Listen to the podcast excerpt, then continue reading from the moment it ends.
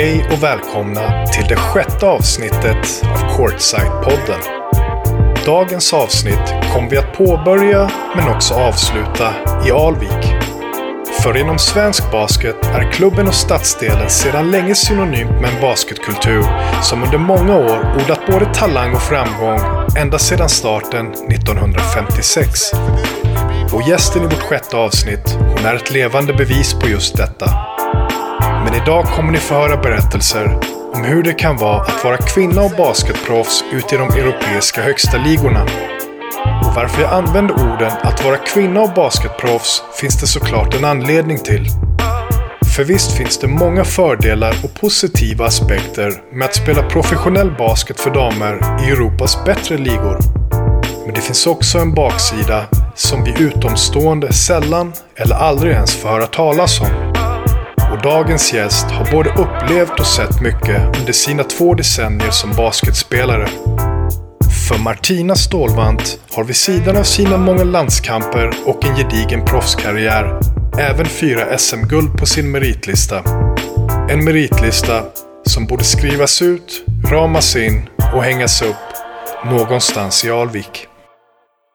Hej, jag heter Fredrik Engström och eh, innan vi börjar dagens spännande intervju med Martina Stålvant så vill jag bara påminna er om att vi finns på sociala medier under namnet Courtside-podden. Så följ oss gärna på Instagram, YouTube och hjälp oss att sprida ordet om Courtside-podden. Martina, varmt välkommen hit! Tack så jättemycket! Du har idag en extremt framgångsrik basketkarriär att titta tillbaka på. Och vi är riktigt stolta över att få ha med dig här i Courtside-podden. Inte minst så tror jag att våra lyssnare är väldigt sugna på att få höra din historia. Så jag tänkte att vi tar det från början. Eh, du är en spelare som många i basket-Sverige förknippar med just moderklubben Alvik. Och visst är det väl i de trakterna som du växte upp innan själva basketen kom in i bilden? Ja, nej men det stämmer. Jag är uppväxt i eh, Bromma i Stockholm och eh, det blev naturligt att det blev Alvik Basket i och med att min släkt har spelat där. Både, ja, men morfar är basketintresserad. Eh, han började dock i Blackberg. Och sen har jag moster, morbror, mamma, stora syster. Så det, det var väldigt naturligt att det blev Alvik. Ja, jag förstår. Eh, hur skulle du beskriva området då för någon som aldrig har varit där? I Bromma? Eh, mm. nej men det är väl en eh, hög socioekonomisk status här och eh, det är otroligt eh, många ja, akademiker och sådär som, som bor här omkring. Så att eh, jag var nog själv i baskethallen på alla de här loven. När alla var i Mauritius och i Alperna och var, de nu var. Så vi har den där hallrottan som var, som var i hallen. Din basketkarriär påbörjades ju som sagt i Alvik när du var tio år gammal. Men visst höll du på med gymnastik innan du fastnade för världens bästa sport? Ja, alltså jag, eh, som barn satt jag aldrig still. Jag klättrade på allt, var överallt. Jag kunde inte sitta still och jag var väldigt aktiv. Så att mm. jag började med gymnastik väldigt tidigt, som passade väldigt ja. bra. Jag gick runt på händer och ner i split och spagat. Så här. Jag var eh, en stark unge. Liksom. Gymnastiken gav mig verkligen bra koordination och ja, smidighet och allt sånt där. Men sen så blev jag sjuk när jag var nio. Eh, körtelfeber mm. fick jag. Och då var jag jag var riktigt dålig. Så jag, jag låg sjuk eh, och fick hemundervisning de sista veckorna. För det var liksom upp sex, åtta veckor, något sånt. Oj. Ja, jag var riktigt dålig. Så då ringde de och sa att i och med att det är så Alltså, jag tror att ens prime i gymnastik är väl när man är typ 14. Så då, hade, då hävdade de att du har varit borta för länge så vi måste ta ner dig från, till en eh, svagare grupp, eller man säger inte svagare, Oj. men en, en, en, grupp nedanför. Eh, och då blev jag lite sur och tyckte liksom, nej vadå, det kan inte ni veta hur mycket jag har tappat, så jag, jag slutade ja, men, där.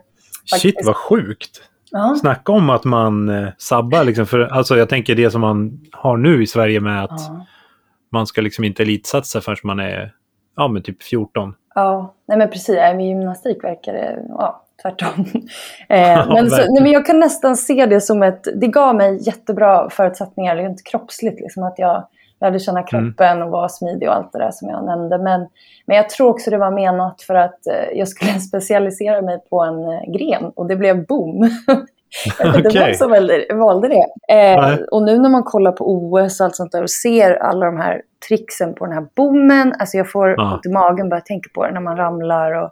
Så jag är väldigt Ja. glad att det, det fick sluta där. Jag tror att det var rätt. Ja. Ja. Ja, jag förstår. Eh, testade du några andra sporter innan basket där då? Eller? Jag eh, spelade fotboll och det var min grej. Jag spelade fotboll eh, samtidigt som, som basket, men jag började med fotboll innan. Så direkt Mhm. efter gymnastiken där, då var det fotboll som Ja. gällde ja, hela slanten. Så jag, jag spelade också så här varenda rast med killarna. Jag var en av boysen liksom, på skolgården. Okej. Och var så här, första och etta väljare. Ja. Men det var väldigt så här, jag, jag och killarna, och jag var, ingen, jag var en av dem. Liksom. Så det var Ja. otroligt mycket fotboll hela tiden. Och sen då, så det här var ju Brommapojkarna jag spelade. Ja, okej. Och vi var väldigt bra som lag. Och sen, Mm. Så det var lite svårt för mig att sluta där när det var dags att, att elitsatsa på, båda, på både basket och fotboll. Ja, vi var 14 där. Mm. Något sånt. För då kunde jag inte dubblera det längre. Och då valde jag Nej. basket. Men det var, det var tufft. Jag gillade fotboll väldigt mycket. Vad var det som gjorde liksom att det tippade över på basket då? Vad... Inomhussport. Nej, jag skojar bara. Ja. jag skojar. Nej, det, det var... Jag gillade basket mer. Så var det bara. Och sen kanske jag Ja. var lite bättre också i basket. Alltså fotboll, Mm. jag var ju duktig på, på att springa och skjuta och passa. Men jag var inte jättebra tekniskt tror jag. Och det märktes sen när man blev lite äldre. Att, eh, Ja. och ja, jag tror att jag hade halkat efter där faktiskt. Liksom när Mm. vi blev lite äldre. Eh, men det var otroligt kul. Eh, och jag vet att BP vann Gotia det året, eller året efter då, eller när jag hade slutat. Så det var extremt Mm. duktiga tjejer eh, Ja. i BP, i min åldersgrupp. Det blev ju Alvik då och Alvik är ju som sagt en klubb med väldigt mycket baskethistoria. Ja. Och vil- vilka spelare kommer du ihåg att du såg upp till på den här tiden, alltså i början av karriären? I början av karriären var jag nog lite clueless. Jag tror inte jag förstod. Alltså vi hade ju ett... Eh, Alvik hade inget damlag på den tiden. Mhm. Utan det var bara upp till division 2. Så Okej. damlaget var 08 Stockholm och de, eh, det var uppdelat i fyra klubbar som de hämtade sina talanger ifrån. Så det var Blackeberg, Alvik, Söder och Central. Så att, men i det laget så såg jag upp till Jenny Tingvall, var ju en, eh, henne såg jag upp till väldigt mycket. Och Mm. Var det ju men Nina Rist och Madeleine Mm. Lindqvist. Alltså det var ju många i det där laget. eh, Leila Mengic. Alltså jag kommer ihåg när jag såg dem spela. Jag Mm. hade liksom en 08 Stockholm-affisch i rummet där när jag var, ja, men jag vet inte, 13 kanske. Något sånt. Mm. Och då tyckte jag, ja men Jenny Tingvall, hon var häftig. Henne såg jag Mm. Ehm, ja, eh, så det var väldigt kul att jag spelade med henne sen, eh, några år senare. Men så att, Mm. eh, ja. Alvik har ju liksom genom åren producerat ett stort antal framgångsrika basketspelare på både dam och herrsidan. Mm.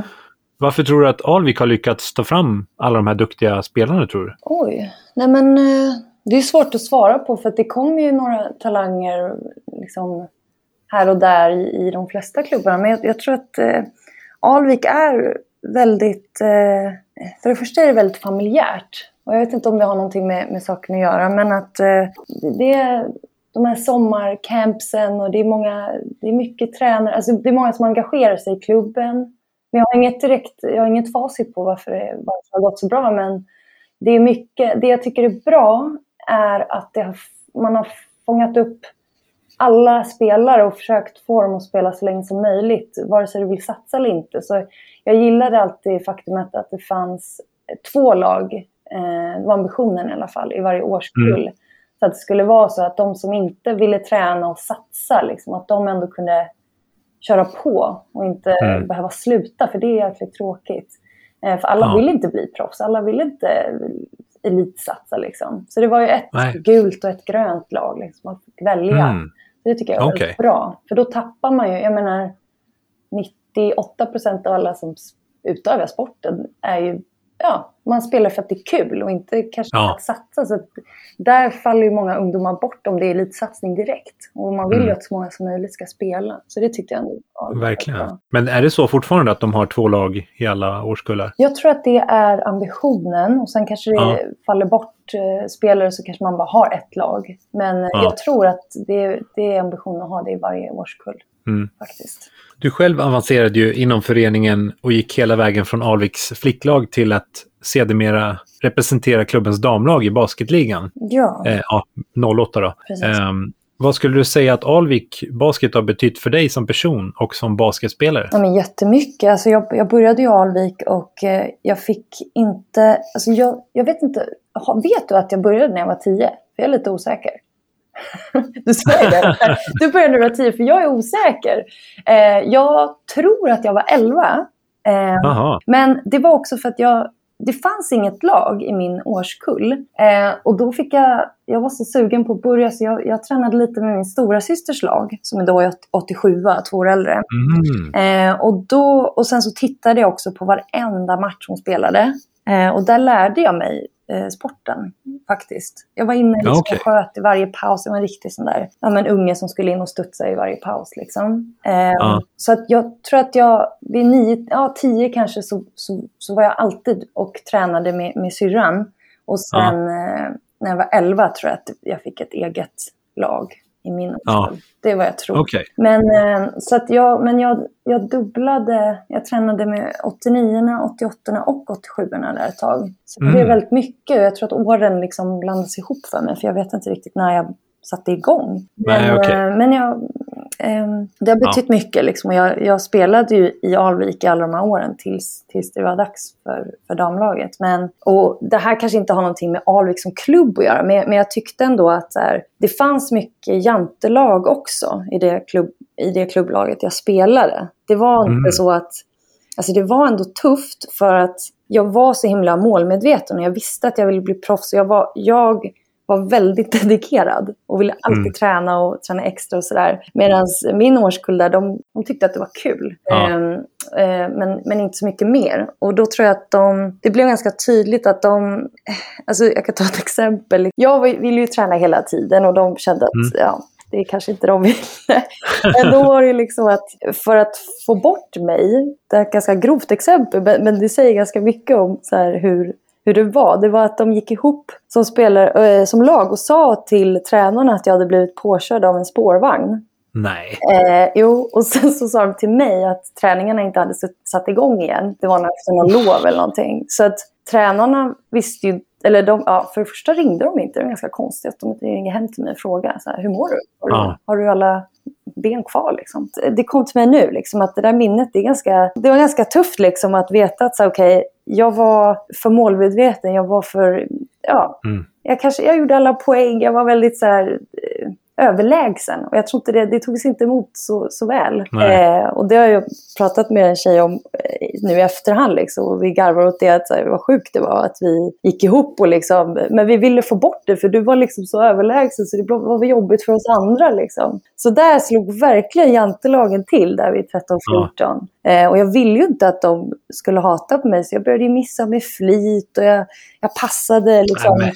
Jo, medan tränaren bara, men skjut själv. Och var, men jag ville vara lagom liksom. Mm. Och det där är inget mot Alvik som klubb, utan jag bara, Nej, nej, nej, jag fattar. fan vad det gjorde saker med mitt huvud mentalt. Liksom att jag, jag var så himla självsäker och eh, hade fullt med självförtroende där när jag var, var liten. Och sen Mm. att det liksom gick över till att, så här, oj, nej men vänta nu, stopp, du måste liksom eh, bli gillad här, du måste vara lag, du kan inte liksom, tro inte att du är något. För jag var väldigt eh, självsäker när jag var liten. Mm. Men det måste ha påverkat dig ganska mycket, liksom hela karriären. Liksom att så här, inte vara för bra, eller? Nej men 100 procent. Jag är väldigt eh, uppmärksam. Eh, och jag tror Ja. att det har en väldigt stor del till eh, hur jag har liksom, eh, när jag kommer till nya klubbar eller lag, att jag är väldigt mån om att liksom inte att jag vill vara lagom och liksom checka av Mm. läget. Vad får jag göra, vad får jag inte göra? Så att man inte klampar in och liksom trampar på folks tår. Och det är ju inte egentligen vad det går ut på. Men Nej. det, det, det sitter nog så djupt i mig. Nu när jag liksom har, jag har Mm. slutat, jag har börjat analysera mig själv otroligt mycket. Liksom, och, och Mm. Jag kanske borde haft mental träning och så, här, för det sitter djupt alltså. Ja. Och, eh, men eh, det här var ju absolut inte svaret på din fråga. Eh, men jag bara flumma. Eh, Ja, det här var absolut ett svar på din fråga. Men, eh, jag kommer knappt ihåg vad jag frågade. Nej, jag tror att du frågade hur, vad Alvik har betytt för mig. Och det här ja, var ju det, ett ja. sidospår. Men, ja, ja. Och Alvik har betytt otroligt mycket för mig. Men det var just den här gruppen tjejer som det, det testade mig otroligt mycket när jag var sådär ung. Att ja, okej. Okay. Så att jag började spela mer med de äldre för att jag också, ja, jag blev inte behandlad på det sättet av de äldre. Nej, okay. Sen kan ju de tycka att det var jättejobbigt när den här lilla tjejen kom in och liksom eh, skulle ha speltid. Men, men eh, ja, nej, det, det, det, hade en stor påverkan på mig. Ja, som sagt, tack för att du delar med dig. Det är så här, fan, det där hade man ju inte någon aning om liksom. Nej, nej men det var ganska grovt faktiskt. Det var grovt. Ja, verkligen. Men det är mm. alltså, fan, barn är inte snälla mot varandra alltså. Nej men precis. Och man inser inte att, eh, ja, det var kanske inte jag som skulle anpassa mig till, deras eh, svartsjuka, eller vad man ska säga. Att, så här, Nej. Oh, nu blir, alltså, jag, jag kom, det, det, det blev ju, det, vi skulle ha såna här prisutdelningar varje år. Och så mm. när det kom till ja, Flickor 89, årets MVP, och så satt de och liksom mimade. Lite sådär. Och då blev jag bara, jag skämdes ju ihjäl. Så det blev en helt annan, istället för att liksom bli glad. Förstår du vad jag menar? Det, ble, det, blev, ja. det vände helt fel håll. Att jag blev liksom, nej, titta, åh gud vad pinsamt, nu ska jag upp här. Alltså i den åldern, liksom, 13-14, ja. jäkligt känsligt alltså. Mm. Um, så det, ja, det, det, här var ju inte gråtpodden liksom, men jag bara, det, det, det, det, det, hade en stor påverkan.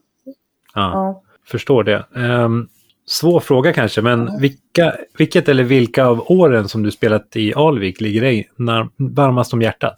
Mm, ja, oj, uh, jag tror att det var året innan jag kom upp till damligan. För då, då kommer jag ihåg att jag spelade en, eller jag har ett, ett minne som ligger mig varmt om hjärtat. Det var en, kan det heta Stadium Cup?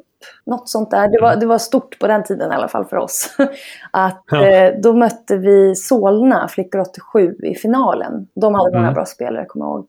Eh, och då spelade jag min stora syster. Och det är väl därför det kanske ligger mig varmt om hjärtat. Att vi, det var en sån här, det var jättejämnt hela matchen. Två poäng upp, ner, upp, ner hela matchen. Och sen vann ja. vi då. Och så fick jag då matchens lirare och min syster fick matchens kämpe. Och jag kommer ihåg att hon var sjuk också. Så hon var liksom, hon kämpade. Jag kommer ihåg att jag var så stolt över min syster och få spela med henne. Mm. Och så här. Och, ja, det är nog det, det minnet i Alvikslindet som gjorde mig gladast faktiskt. Ja. ja. När det var dags för gymnasiet sen så valde du Fryshuset. Jajamän. Och eh, hur var det att gå där? Nej, det, var, det var skitbra. Jag gillade det eh, väldigt mycket. Och jag visste också att jag skulle gå där. Så att jag eh, eh redan på, på högstadiet, så jag visste, liksom, jag hade förberett mig att jag, jag ska spela basket. Så det var perfekt ja. för mig. Ta tvärbanan från Alvik till Fryshuset där så ligger vid eh, Gullmarsplan. Eh, det var jättebra för min utveckling verkligen. Eh, för året innan, eller där när jag började på gymnasiet så,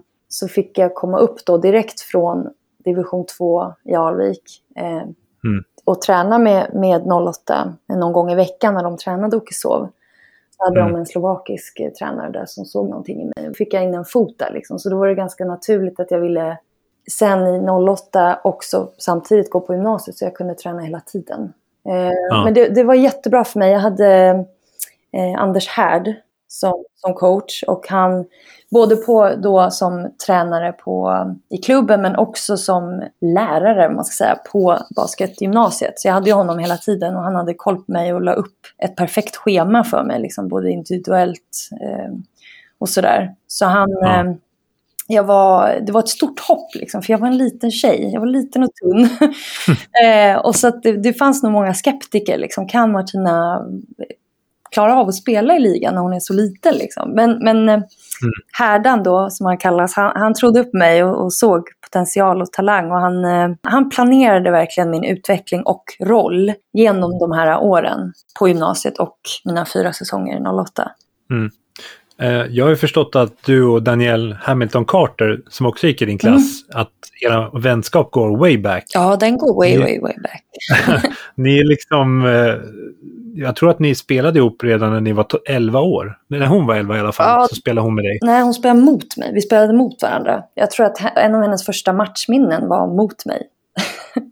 Ja, eller så hon berättar någonting om nordiska skolspelen. Ja, just det. Nordiska skolspel. Ja, men då var man lite äldre tror jag. Jaha, okej. Hon kanske blandar ihop de här sakerna. 14 tror jag man var. Nej, hur gammal är det när man går i sjuan? 13? Sjuan? Kan det vara så? Sjuan, åttan där någonstans? Ja. Hon sa att hon var typ 11 i alla fall när hon körde nordiska skolspelen. Och så samlade de, de Va? ihop massa lag från, Jaha, var det så tidigt? från olika Stockholmsklubbar. Ja, nej, men precis. Men jag tror det hände senare. Ja, okej. Ja, det kan ju vara det. Hon kanske Ja. blandade ihop åren. Eh, Men jag tror det. Eh, Hon är ett år yngre än dig också. Så att, Precis. Eh, Så där träffades vi och det klickade väl ganska direkt. Och sen dess så har vi väl varit vänner. Eh, Från den tiden, visst vi började gymnasiet tillsammans och då var det liksom att vi kände varandra redan. mm, Så det var, det var skitkul. mm. Och sen var ju, man kände igen där när man började. ja, och sen var väl Kassim, Kassim där och Mm. Francis Odada och Jajamän, det var de. många talanger i den där klassen. Ja, absolut. Just det. Inför säsongen så 06-07 så, Mm. så lämnar ju du, i alla fall på pappret, Alvik och eh, skriver, ja, skriver på för 08, men det, det var ju samma klubb som du berättade om. Sådär. Men kändes det konstigt att liksom inte ha så här det um, gröngula linnet på dig när du spelade? Eller? Det kommer jag faktiskt inte ihåg, men jag tror inte det. Jag tror att det var skönt och kul bara. Mm. Det var häftigt för mig, för jag, ville, jag såg mig själv liksom som liten att jag ville spela i 08. Det var liksom en, Ja. en dröm eller ett mål jag hade. Mm. Eh, så det tyckte jag var häftigt. Men jag tror det var eh, 06-07, det var liksom den säsongen som var min första. När jag var med dem och kvalade, eh, när de hade den här slovakiska coachen då. Eh, 05, 0, ja, vid 06 där. Så då Ah. var jag, fick jag en, fot och liksom tränade och var med dem där i slutspelet i alla fall. Mm. Men sen var min riktiga, liksom, som du säger, på papper Mm.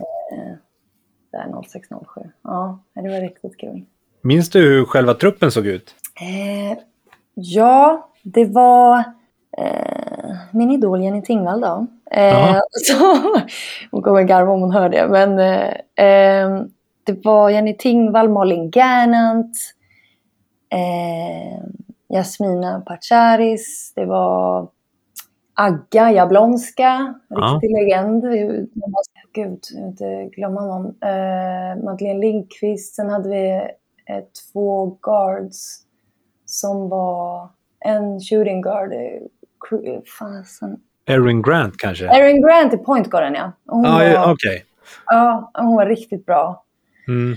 Eh, och lärde mig mycket. Hon var en riktigt så här, lugn spelare med mycket tålamod och eh, sådär. Hon var Ja. riktigt duktig.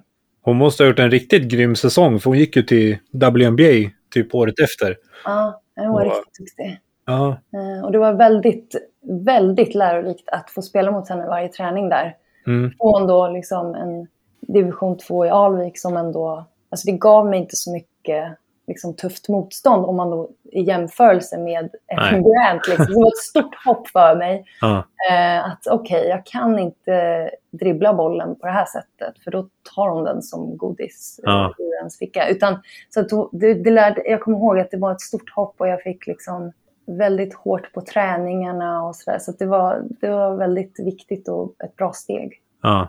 Ja. Krista Rappahan var med också. Krista hette hon. Tack! En riktigt duktig skytt alltså. Ja. Ja, redan första året i 08 så vinner du ditt första SM-guld. Mm. Det måste ha varit stort för dig personligen. Ja, jag, jag tror inte jag förstod riktigt eh, hur... eh, Ja, det här var ju kul liksom. Kom ut första ligan och vinner. Men det var, eh, det var jättestort och jättekul. Och jag tänkte liksom, ja vad roligt det är här då i Mm. mm. Danvik. Nej, men det var, det var ju... Det var riktigt roligt. Ja. Men att vinna SM-guld i så pass ung ålder, det finns ingen Mm. risk att man blir så här mätt och nöjd när man vinner guld så tidigt i karriären? Nej, inte för min del. Nej, Nej. Okej.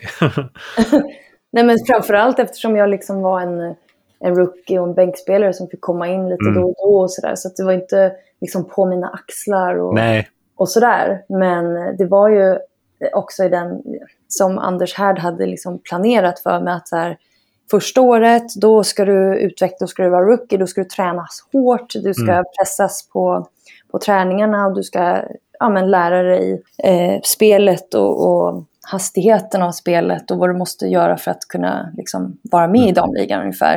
Mm. Och sen så har liksom rollerna förändrats genom åren Mm. eh, som jag har otroligt mycket att tacka för eh, till honom. Eh, för jag fick testa på olika roller på Mm. grund av honom som var väldigt utstuderat också sen. Mm. Förstod jag att han liksom, första året gör du det, andra året då ska du komma in i svåra situationer. Då, då satte han alltid in mig eh, precis innan halvtidsvilan eh, när det var 15 eller 20 sekunder kvar, 10 sekunder kvar och spela stenhårt defense på någon guard.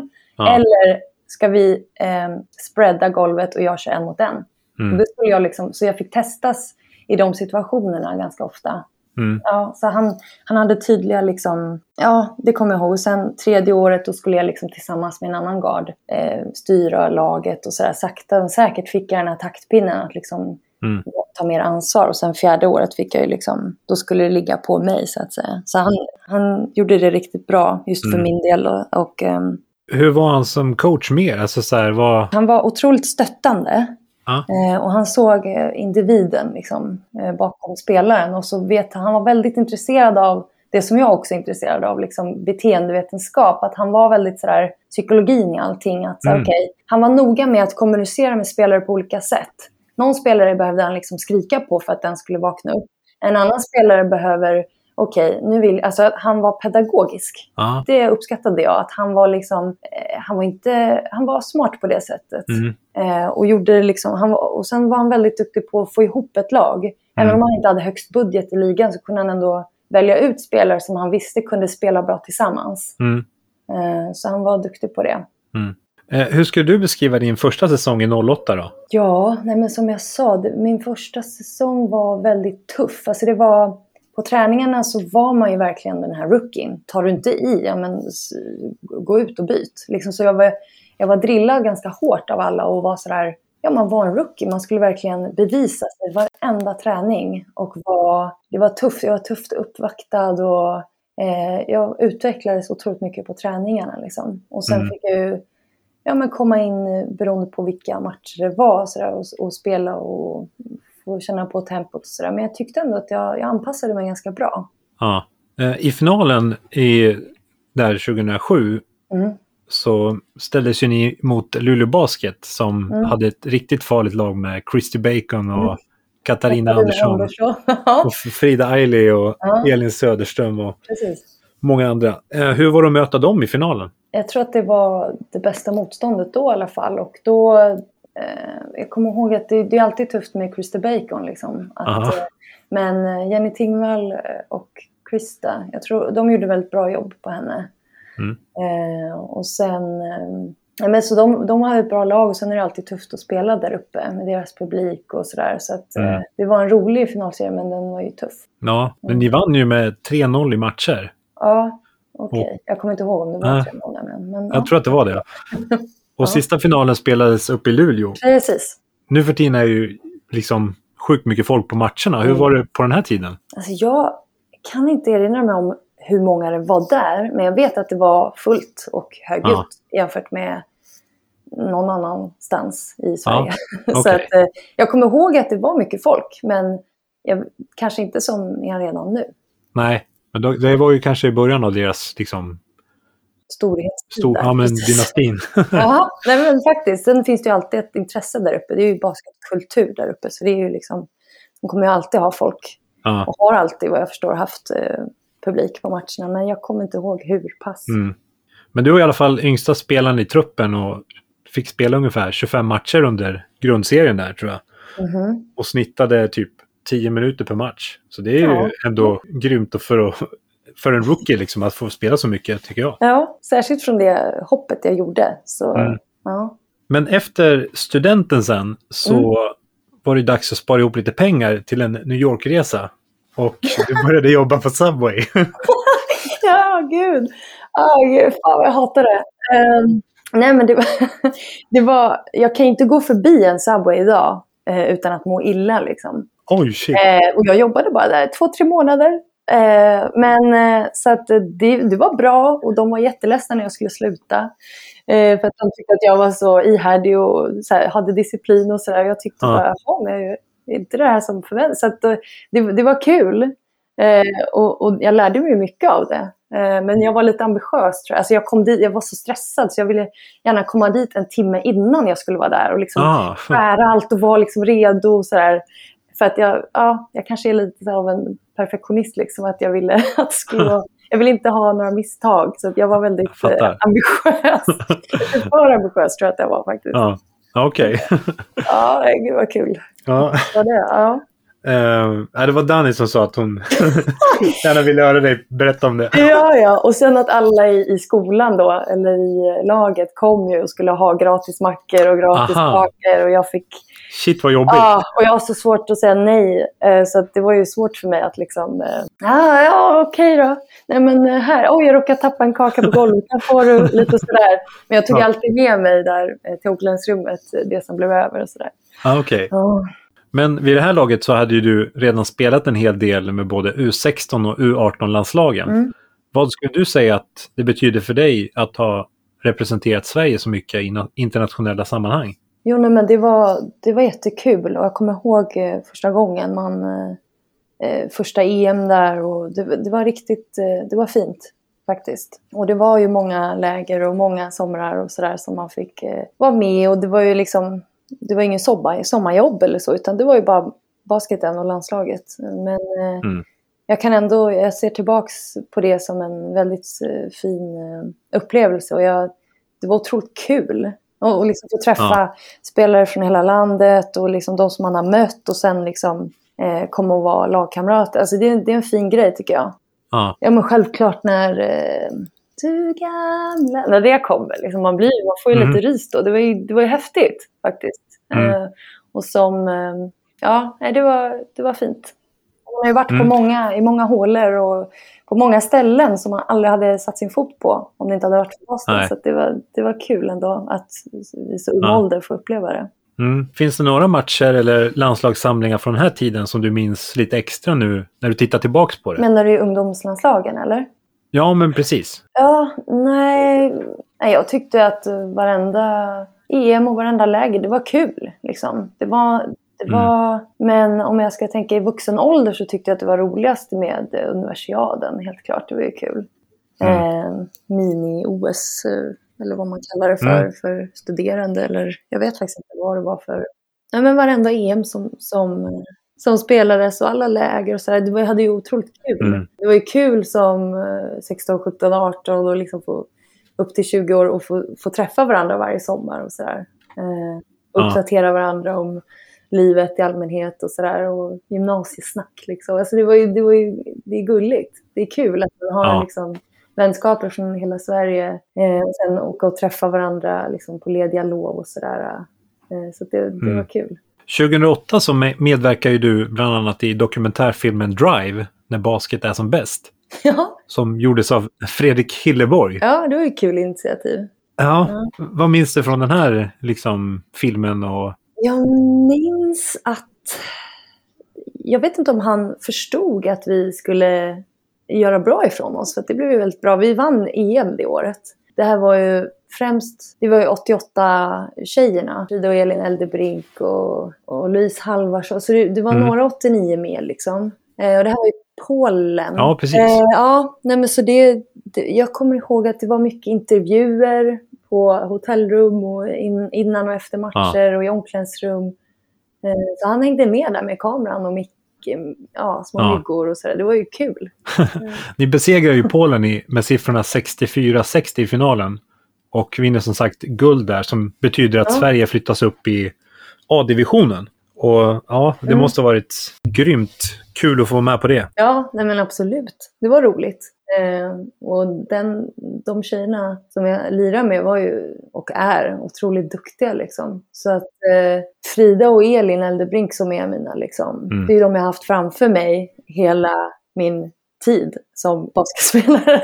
Vilket många kan tycka är dålig mm. timing för att de är så jäkla duktiga. Så det är, liksom, det är de jag har haft framför mig. Tack så mycket! Ja.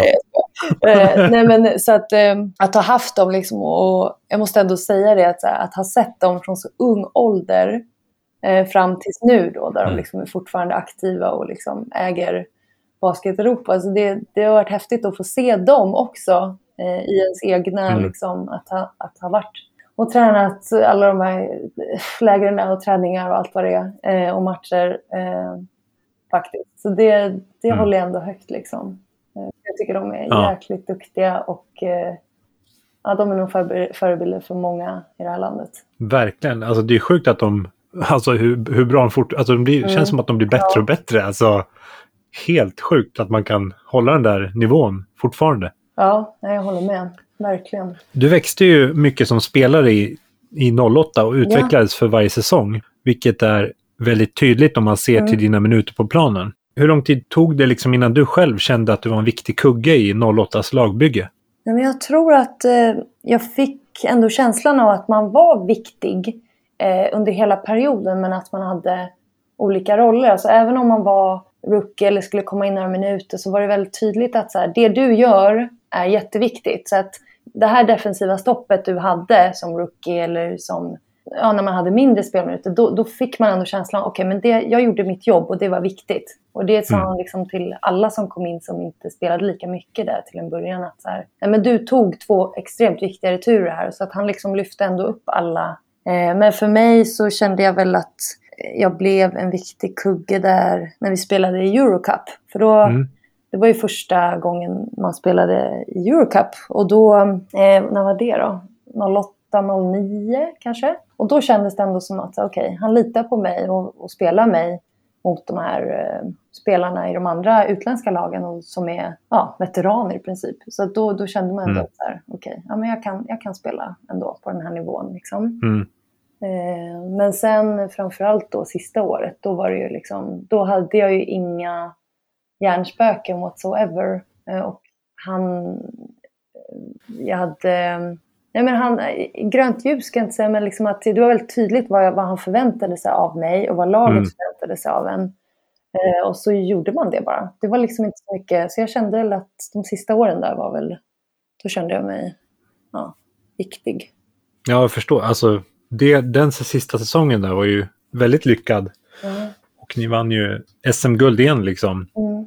Eh, hur, hur, jag har hört att den här liksom, stämningen som ni hade i laget och kemin som ni hade var verkligen riktigt bra kemi i laget. Ja, det stämmer. Det var, det var väldigt bra. Och eh, det var inte så att alla i hela laget var bästa kompisar utanför plan hela tiden. Utan det var, men på plan så spelade vi så otroligt bra tillsammans. Mm. Eh, och det var en fin, ja men som du sa, en fin kemi. Eh, Mm. Och vi hittade varandra väldigt bra och eh, ja men förväntades, eh, vi visste vad vi kunde förvänta oss av samtliga. Och alla Ja. hade en tydlig roll och det var, nej, det var så roligt. Det var, jag gillade det laget otroligt mycket. Mm. Och eh, nej, vi hade ju roligt, det var kul. Ja, alltså det var ju en riktigt bra line-up också. Det Ja. var ju Kadidja Andersson hade ni och Ja, precis. Agnes Nordström och Ja. Fariabdi och Jajamän. Nina Risto. Ja, det var jättebra. Du blev ju poängbäst i finalen där också, sista finalen, Mm. och med 19 poäng. Ja. Med 08 så vann ni ju inte bara två SM-guld, ni spelade ju också Eurocup som du var inne på. ja. Och eh, hur var det liksom att få komma ut och spela på internationell klubbnivå? Nej, men det var ju spännande. Det var kul. Och jag kommer ihåg att ett år, jag kommer inte ihåg vilket, eh, förmodligen året innan vi, eh, ja 2009 där, då spelade vi mot, eh, det var ett italienskt lag eh, bland annat, men också ett spanskt, Gran Canaria. Och Ja. kommer jag ihåg när vi var där, så sa eh, härdan till mig, så, vore det häftigt att spela här va? På Las Palmas. och jag kommer ihåg, ja det vore häftigt liksom. Ja. Eh, så att, eh, ja, sen blev det ju så. Men eh, så det, var, det var kul att få känna av den nivån. Mm, jag förstår det. Mm. Eh, men efter den här säsongen så lämnade ju Sverige för just Gran Canaria. Liksom. Hur, hur kändes det att lämna Stockholmsområdet för första gången och liksom spela i, ja, i en annan klubb? Ja, nej, men det var, det var ju spännande för att eh, tio år innan så hade väl, det var väl tydligt att så här, jag ska bli basketproffs. Och då, då visste jag liksom att ja, då har jag uppnått mitt mål här. Det här var min dröm.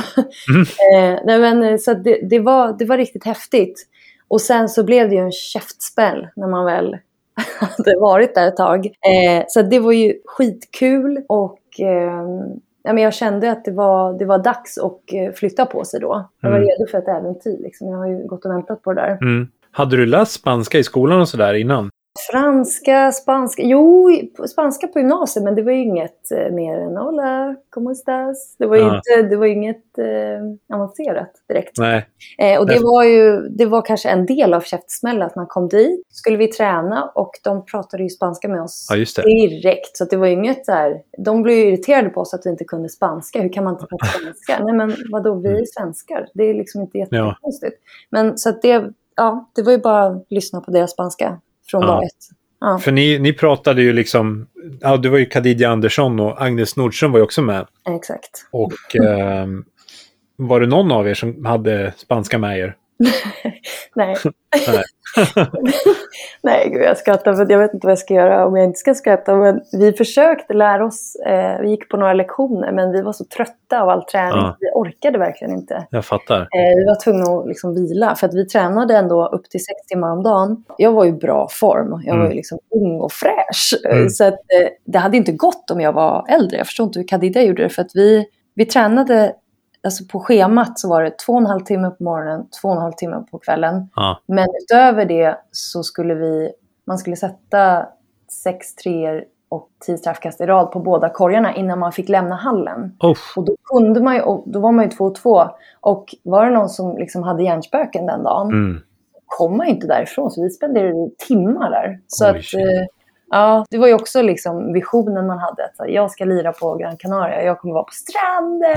nej, nej, nej. Alltså, du, du går och tränar Ja. eh, i ja, men, tre timmar på morgonen. Och det var Ja. inte bara stå och skjuta, utan vi spelade och hade liksom Mm. fem mot noll, spring, transition. Alltså vi var helt slut där. Och Mm. sen var det tre timmar på kvällen. Så det var ju, vi var helt slut. Eh, så att den där bra formen man hade, den gick över till förslitningsskador ganska snabbt. Mm. Man kan ju tänka sig, alltså för en som har semestrat på Kanarieöarna så klarar man sig ju ganska bra på svenska, men det är ju en helt annan grej när man ska liksom spela i ett lag där, ja, Ja. och i en liga där det är spanska liksom. Absolut. Jag förstår att det blev liksom, ja, svårt. Ja, ja. Jag menar, det är några sekunder kvar och, och allt är på spanska. Det är ju bara så här, vad skulle du göra? Ja, In och kör nu, sju sekunder kvar, okej. Och så det, skulle vi köra zon eller skulle vi fejka en zon? Och så är det så här, Mm. blir man osäker vad man har förstått och inte. För vi kom in i det ganska snabbt. Men eh, men ni blev ganska dåligt behandlade, har jag för mig att jag läst, av klubben liksom, eller? Ja, det stämmer. Jag tycker inte vi har pratat någonting om det. Så att, eh, det, jag vet inte var du har läst det. Men det var riktigt tufft. Och det var, ja, det var inte så bra behandling. Nej, absolut inte. Så att det var, det var, jag vet inte var jag ska börja, men vi, inte nog med att man var, eh, man fick inte vara skadad och sjuk. Så att det var en otrolig svaghet om man var skadad eller sjuk. Och man fick inte, man fick inte klaga. Men det var ju en tjej som hade brutit foten. Och hon liksom grät och haltade runt där. Och de skrek åt henne att hon var svag. Och, Men shit, eh, och så visade det sig att hon hade brutit en fot. Liksom. Men, eh, och jag hade också så här, eh, jag, jag fick diskbrock. Och för alla som har haft diskbrock eller har det kan relatera till att liksom, du kan inte riktigt... Alltså jag, om jag står upp, om jag stod upp så kunde jag inte nudda knäna. Och det säger ganska mycket. Eh, att liksom, hur ska jag kunna spela? Jag kunde inte liksom dyka efter en boll, det var svårt. Men på det diskbrocket så fick jag njurbäckeninflammation. Oh, Eh, ja, eh, och eh, från en urinvägsinfektion. Så att som hade liksom, man fick inte gå, man fick inte klaga, man fick inte hjälp, det var bara så här bita ihop typ. Och sen, så, så jag kunde inte sträcka upp armarna över huvudet heller. Så då kunde jag varken liksom böja mig ner eller upp. Så jag kunde inte passa, jag, kunde inte, jag liksom fick gå av plan för att jag inte, jag, jag kunde inte springa, jag kunde inte. Alltså det var inte så att åh jag har ont, utan jag fysiskt kunde inte röra mig. Så att de blev arga liksom. Eh, så då kommer jag ihåg att jag fick ledigt en träning, men jag fick ju sitta där i skamvrån liksom. Och du vet, ja, titta på henne liksom. Och de himlar med ögonen och liksom den svaga svensken. Nej men lite så. Det är en helt annan mentalitet, så kan jag säga. Där det är liksom att om man spelar sjuk, då är man en, en hjälte liksom. Eh, och de sa alltid det. Min fru har spelat med bruten fot och vad har du? Lite diskbråck typ. Alltså att man, lite diskbråck, som om det var lite. ja men exakt. Nej jag kunde ju inte, nej nej. Eh, och eh, sen var det liksom, det var en annan tjej som hade feber någon match och bara hostade okontrollerat och snora och ja, hon var jättedålig. Eh, feb, alltså riktig febersvett, hon var helt iskall liksom. Mm. Men sen fick hon ju liksom, så hon var ju dåsig och var liksom lite yr. Så att hon passade väl bort någon pass eller sådär. Men då blev han ju galen och skrek henne i ansiktet och till och med knuffade henne av bänken. Så han liksom, ja. Så att hon flög av och du vet, vi bara, eh, hade det där varit jag hade jag dragit härifrån. Ah, Men man var ju så himla hjärntvättad. Men då så satte hon sig upp och sen gick hon in och satte den avgörande trean. Liksom. Så det funkade ju på dem på något sätt. Ja. Den här... mentaliteten kanske. Ja, exakt. Men vi ju... Jag vet inte riktigt. Han var ju ökänd liksom, i Spanien av alla spelarklubbar. Åh gud, spelar du för honom? Liksom. Lycka till. Och det kunde man ju kanske fått en heads-up, tycker man. det kunde man fått reda på innan, att han var helt galen. Alltså fradgan sprätte, han liksom skrek folk i ansiktet. Det var inte en normal... Alltså att han kommunicerade genom att gallskrika verkligen. Alltså hans ådror höll på att poppa. Alltså han kunde inte prata normalt. Ehm, så vi tänkte nu, nu dör nu faller han Mm. till golvet i hjärtattack snart. Men det gjorde han ju aldrig. Han bara lossade upp slipsen och fortsatte skrika liksom. Ja, så det var väldigt speciellt att, att komma från då, ja men Anders Härd liksom. Världens snällaste. Men inte, inte på något sätt liksom att det är mesigt, men att han bryr sig om spelare och dess mående. Och man är inte ett verktyg i en verktygslåda, utan han liksom, man bryr sig om sina spelare. Liksom. Men där var det verkligen, liksom, eh, kunde stå och skrika till ja, men unga spelare att de var dumma kossor och stick härifrån. Ja, men du vet, riktigt vidrigt. Alltså, Ja. shit, vad sjukt. Ja, men man, så man blev ganska avdomnad till slut. Man bara liksom... man kunde kolla på Kadidja liksom, eller Agnes eller mig själv. Liksom att vi bara gav varandra blickar. Och bara, för det, till slut så står någon och gormar en i ansiktet och man bara stirrar in liksom, och bara tänker ja, ja undrar när det här tar slut då? Eller. Alltså att man bara rinner av en till slut. Fast man blir ju to- totalt hjärntvättad av det där. Ja. Men du, kvalitetsmässigt då? Hur, hur Mm. stor skillnad var det mellan basketligan och den spanska ligan? Jag tycker att den var mycket tuffare. Eh, framför allt var det alla point guards, liksom, det var ju Ja. helplanspress i, i 40 minuter eh, i varje match. Så det var ju liksom Ja. det som var normalt. Det var ju, man var ju Mm. uppvaktad konstant. Alltså, och det, var, det var, tilläts mycket handchecking och eh, mycket slag och så här. Så det, det, var, Mm. det var tufft. Det var jättetufft. Eh, så man var ju helt slut liksom. Mm. Men det var ju, det är kul. Eh, sen är det mycket hett temperament och mycket tekniska och folk... eh, det är ju otroligt mycket temperament ska jag säga. Både för spelare och coacher och alla gormar och skriker. Och liksom, det är ju, det är ju hett på plan Mm. hela tiden. Och en stor skillnad var ju att de var extremt duktiga på att floppa i Spanien. Och där hade vi också liksom träningar hur man skulle göra det. Så att liksom, får man en liksom, korropskontakt så ska man ju rycka till. Och det där tog jag med mig. Så det var ju, man var ju skitjobbig såklart. Eh, att liksom, så fort man fick en, en knuff så liksom den här lilla Mm. rycket. Liksom. Och det kan ju vara lite tröttsamt. Men det var ju det, var ju Mm. det som krävdes där borta. För att, eh, ja, de var ju riktiga floppkungar där borta. Mm. Eh, Men ni mötte bland annat eh, den femfaldiga WNBA-mästaren Rebecca Brunson. ja, Svingrym på att plocka returer. Ja, vilken spelare. Ja, och Erika de Sosa var också Mm. där. Även eh, Laia Ja, Palau. Palau, ja. De- De är ju så otroligt bra på att läsa spelet och då liksom eh, defensivt att de vet vad man ska. De, de, är otro, de var otroligt duktiga, eh, de här veteranerna. Och sen var det ju den bästa försvararen som jag haft på mig tror jag. Det var en spelare som heter Nuria Martinez. Eh, Jag Mm. kommer inte ihåg om hon spelade i Valencia. Nej, jag kommer inte ihåg. Men jag vet bara att jäklar, här kommer jag få problem liksom, tänkte jag. Eh, hon var ju i ens shorts hela matchen. Eh, jag tror hon också spelade i NBA faktiskt. Ah, eh, men äldre. Så att jag var ju ung och hon var väl så här, ja hon kanske var tio år äldre mig, jag vet inte. Som Palau, men hon var riktigt duktig. Jag tänkte, och herregud, det här är nog den bästa mot den liksom, spelaren jag har haft på mig. Någonsin, alltså, liksom. försvar. Någonsin. Ja, det Mm. helt klart. Nu kommer jag ihåg. Ja. Hur var det att bo på Kanarieöarna då? Förutom liksom de här tråkiga sakerna. Liksom. Ja, men det var, det var jätteskönt såklart. Framförallt för våra familjer som kom och hälsade på. Mm. Hela tiden. De tyckte det var toppen. Eh, men alltså vi...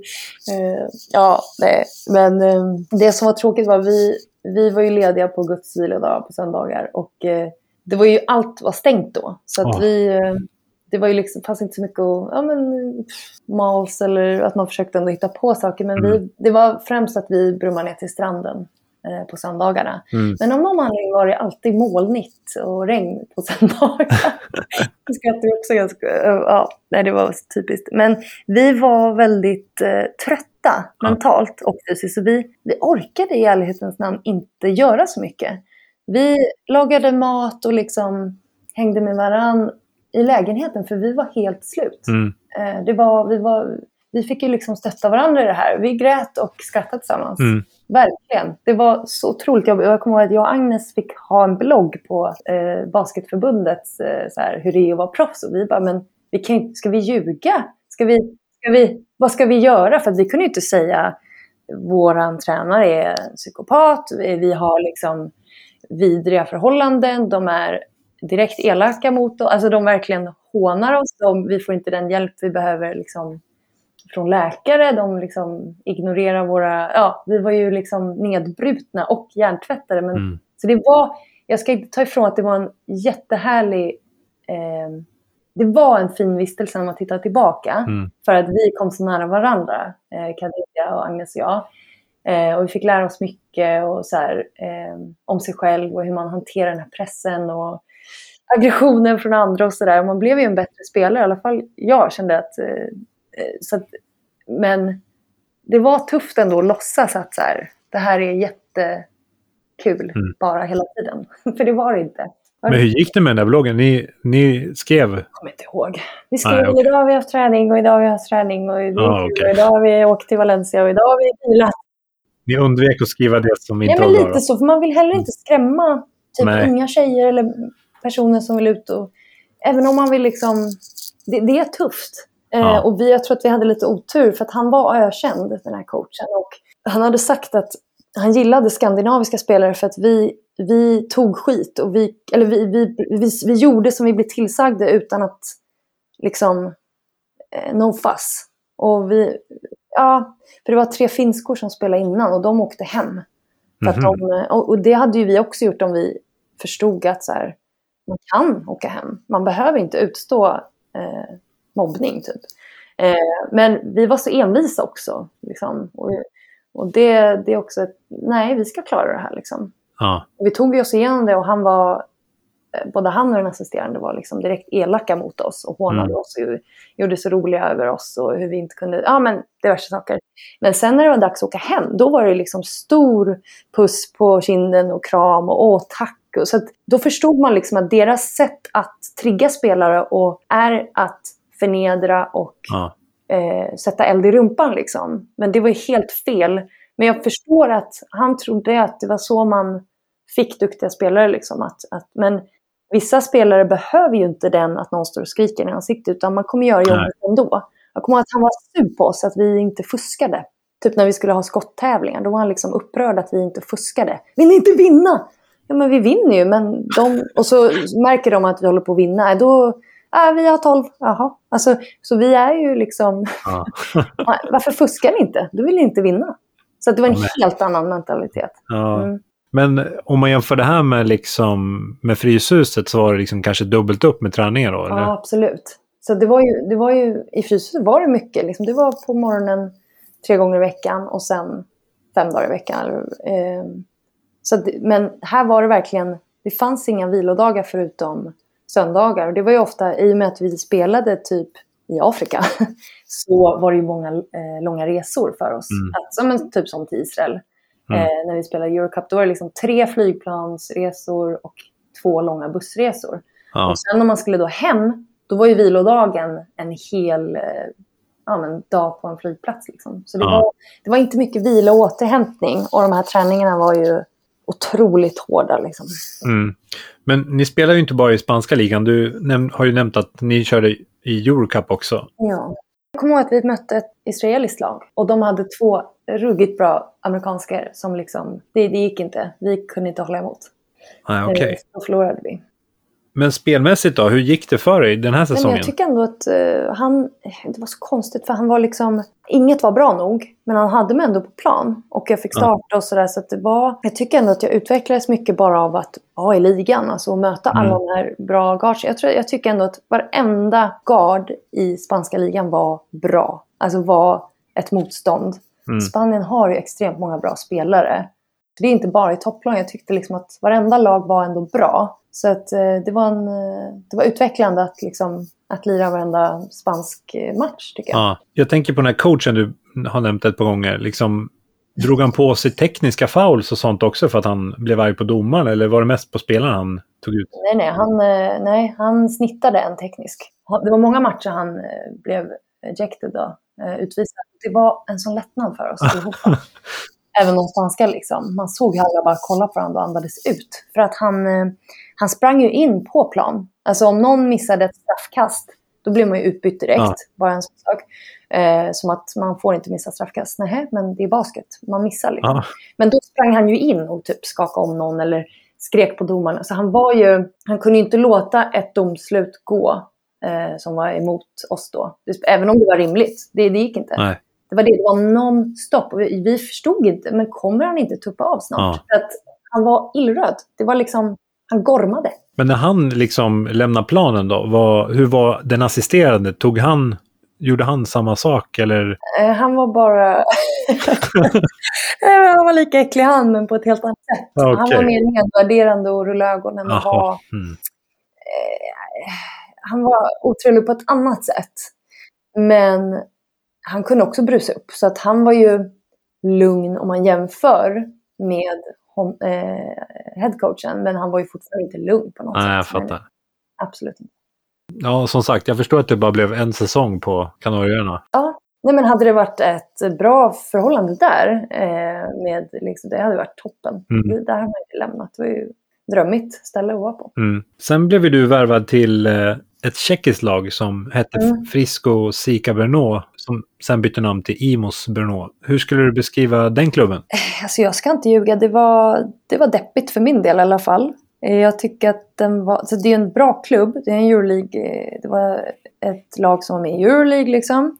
Men det var ju år nummer två som det var tufft liksom mm. för mig. För den klubben var också ägd av en gammal man som också var headcoach som i Spanien. Det var Aha. samma sak där. Så han var väl 75 plus och eh, han satt i en fåtölj på träningarna och sov och snarkade och drack. Så han satt ju bara där och fick massage samtidigt. Okay. Liksom. Så det var inte jätteinspirerande att ha en sån coach, Nej. tycker jag. Eh, och vi hade nog tre interaktioner med varandra, jag och den här headcoachen. Under hela tiden? Ja, det var, jag har liksom, det är tydligt för mig att det var tre gånger vi talades vid. Liksom. Eh, första interaktionen det var att jag skulle sy in mina shorts, för de var inte tillräckligt tajta. Enligt honom. Och enligt då eh, Euroleagues regler så skulle de ju bara vara en centimeter från kroppen. Men han tyckte väl att det var fler. Men jag tycker att de var ja. tajta ändå. Eh, och det var liksom, jaha, okej. Okay. Sen var det, vi var på en match eh, med Euroleague i mm. Italien. Så skulle jag och två amerikanska äta middag med det andra laget efter matchen. Och vi tänker, det gör ju de andra spelarna varje match. Liksom. Vi är vuxna personer, det är inget så här. Så vi åt middag med dem och vi, vi tog det med, efter matchen så grabbade vi tag i assisterande coachen, i eh, managern och eh, det var i alla fall tre personer vi informerade om att så här, vi kommer till hotellet sen, vi ska äta ute liksom. och bara för att så här, eh, påpeka att det var verkligen normaliserat, alltså det var inget konstigt med att äta på egen hand. Alltså det, vi var inte tillsammans 4-7. Eh, så det var, hade det varit ett lagets policy, liksom, då hade man inte gett sig iväg. Självklart inte. Jag vill bara ändå poängtera ja. det. Eh, så att den andra gången jag pratade med honom, då fick vi komma upp på hans kontor. Dagen efter då satt han där med en tolk som sa, ni har eh, disrespect, alltså ni har inte respekterat eh, Mr, vad han nu hette. Eh, och eh, ni har inte respekterat hans auktoritet. Eh, så att vi kommer böta er eh, och ta pengar, ett x antal tusen för att ni har eh, disrespected Mr. bla bla bla. Så att jaha, och det, det, var den här tydliga maktutövningen Ja. som han gjorde. Att liksom, respekterar inte ni mig så får ni se. Alltså han var väldigt sådär, jag tror att det löser igenom också. För att jag är en sån person, om inte jag får respekt, varför ska jag respektera Mm. dig? Ett fyllo som sitter, ligger och snarkar på våra träningar. Han har inte ens tittat på träningarna men ändå Förstår, det, det var omotiverande för mig att så här, komma till varje träning och försöka eh, imponera eller träna hårt för någon som ändå ligger och sover. Han, han, det var ändå förutbestämt vilka som skulle spela. Mm. Liksom. Så jag tyckte att eh, det var liksom andra interaktionen med honom. Och den tredje var en match. Då satt det en head coach, assisterande coach, eh, två stycken assisterande coacher, en fysio, en massör och någon sponsor på en rad.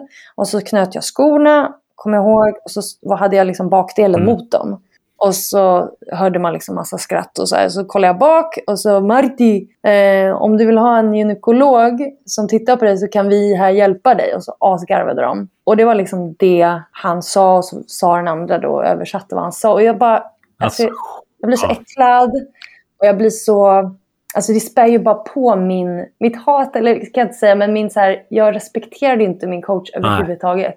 Och så kommer det där som en tredje gång vi pratar. Liksom. Jag bara, nej, jag pallar inte med dig. Så jag, då ska man spela match på det. Och jag, var bara, jag bara Mm. kokade. För att man är så, jag blev så liten och förminskad. Så att jag, och det låter kanske inte så här, nej det var så äckligt. Och jag blir så här, jag vill inte spela för dig heller. Jag blir liksom avtänd på hela grejen. Och återigen så lämnar jag ju inte klubben. Utan jag är så jävla envis så jag ska fortsätta vara där. Ehm, så ja, Det har ju hänt ganska mycket nu sen metoo och sådär. Tror, Mm. tror du att du hade gjort annorlunda idag om du hade varit med om samma situation? Ja, man får ju tänka att det var typ tio år Ja. sedan. Så att absolut, jag kokade och höll det inombords. Ja, liksom. ja, men jag tänker just det här med att lämna klubben. Så det skulle, alltså, Ja, nej precis. För jag, jag kommer ihåg också, liksom det jag reagerar på nu är att här, när man skulle upp och lämna in något kvitto eller någonting på kansliet så hade de ju liksom ett rum fyllt med porraffischer. Inte bara liksom avklätt, utan nu pratar vi pornografiska affischer liksom, eh, bland pärmarna där. Och så liksom när man reflekterar, det här är en, en klubb med endast tjejlag. Varför ska vi ha det här? Liksom, jag förstår så inte. sjukt äckligt. Ja, nej men absolut. Och det hade ju inte fått ske här i Sverige. Liksom. Men det var absolut inte något som ifrågasattes. Eller, det var bara så här, ja, vi har gubbar som i den här ledningen. Det var inget konstigt. Eh, så att, ja, absolut hade jag nog reagerat Ja, annorlunda. Så jag hade kanske bara, nej men vet du, jag drar. Peace. ja. Faktiskt. Han, alltså fan, du borde inte få jobba kvar. Jävla äckelgubbe alltså. Jo, jo. Men liksom, jag tror att det var ju många tjejer som... Alltså det är bara så här det är. Lite så att man ska... Och jag tror att så här... Ja, men det var någon som bara, men klaga inte och hem bara. Ja, men det är själva grejen att det är sån... Hela grejen för mig är ju skev. Och att liksom, hans barnbarn spelar ju Mm. i... Det fanns ett A, B och C-lag. Ska de... Alltså jag... Ja. Sen är det ju en helt annan syn Mm. på kvinnor kanske också.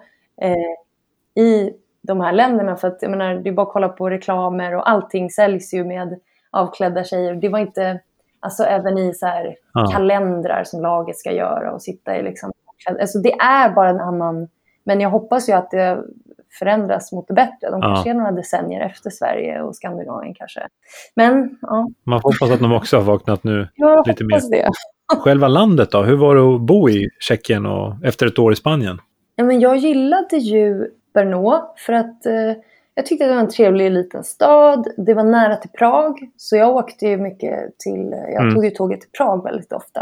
Eh, för att vi tränade ju också, ska sägas, en gång om dagen. Vilket också var så här uttråkande när man vill träna, man vill utvecklas, man vill... Nej, jaha, vad gör jag med tiden? Och vi fick inte träna extra heller. För de, de sparade på el så det bara släcktes liksom ut. Och så skulle man ju gymma, det fick man inte heller göra. Okej. De hade en väldigt sken syn på eh, muskelbygge. Det var ungefär... Alltså de har ju en ganska... De har ju tränat på samma sätt i 30 år. De har en, en syn på hur det ska se ut och man fick inte träna extra i gymmet för då blir musklerna stela och... Eh, aha, alltså du vet, jag, jag tappade all motivation. Utan jag åkte till Prag och turistade i Prag hela tiden. Jag var liksom... Jag bara... Ja, Brno var jättefint men det var liksom... Basketen blev helt plötsligt eh, jättetragiskt min liksom andra prio för att det var så omotiverande med den här coachen och att Mm. eh, jag fick inte spela så mycket och jag satt ju bara och blev i dålig form. Men så, så, som svaret på din fråga så tyckte jag om staden. Eh, och det var en bra upplevelse. Men den var inte optimal för min del. Mm, jag fattar. Eh, men du var ju precis som på Kanarierna inte den enda svensken i laget. Utan din tidigare lagkamrat från 08, Faria, var ju också där. Ja, det stämmer. Eh, och eh, vad ska man säga? Eh, hade hon samma upplevelse tror du?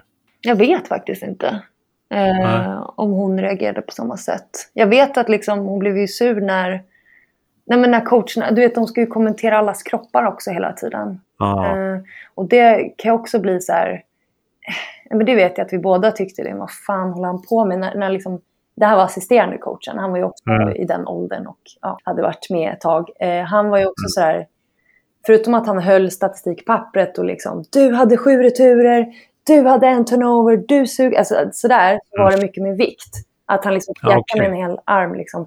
Du ska gå ner 10 kilo, du ska gå ner 3 kilo, du är för tjock, du ska gå ner 5 kilo. Så att det var väldigt så här, jaha, det var inte därför vi förlorade matchen dude. Alltså så här, vad, kan du sluta hetsa om vikten? Det det inte... Och Ja. jag var pinsmal på den tiden. För, Mm. eh, så jag fick ju inte den skiten kastad på mig. Men Nej. liksom, det spelar ingen roll. Det är jävligt förnedrande att, liksom, att någon ska stå och liksom, peka folks vikt. Och det är så här, jag var för fan inte... Då tyckte han att jag var liksom i bra form då. Eller? Nej, det var jag ju inte. Jag hade ju inga muskler. Jag ville bara liksom, käka chips på soffan och fick inte träna. Alltså det var ju inte Mm. sunt det heller. Liksom. Så de har en helt annan syn på, ja, det ska se ut på ett visst sätt.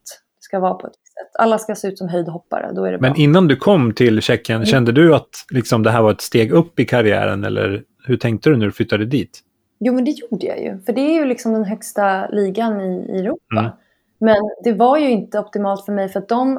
Eh, jag förstod inte varför de hade tagit dit mig heller och ändå betalat mig för att de ville att jag skulle dribbla upp bollen, passa till Mm. vingen och sen gå safety. Alltså gå hem och försvara. Och då blir jag så här, men var, var, det, här kan, ni- det här kan ni betala en tjeckisk inhemsk spelare att göra. Ja. Så att jag, jag var otroligt så här, från att ha, liksom, ha koll på ändå ha en roll, och ha en, så det var inte alls, jag utvecklades inte.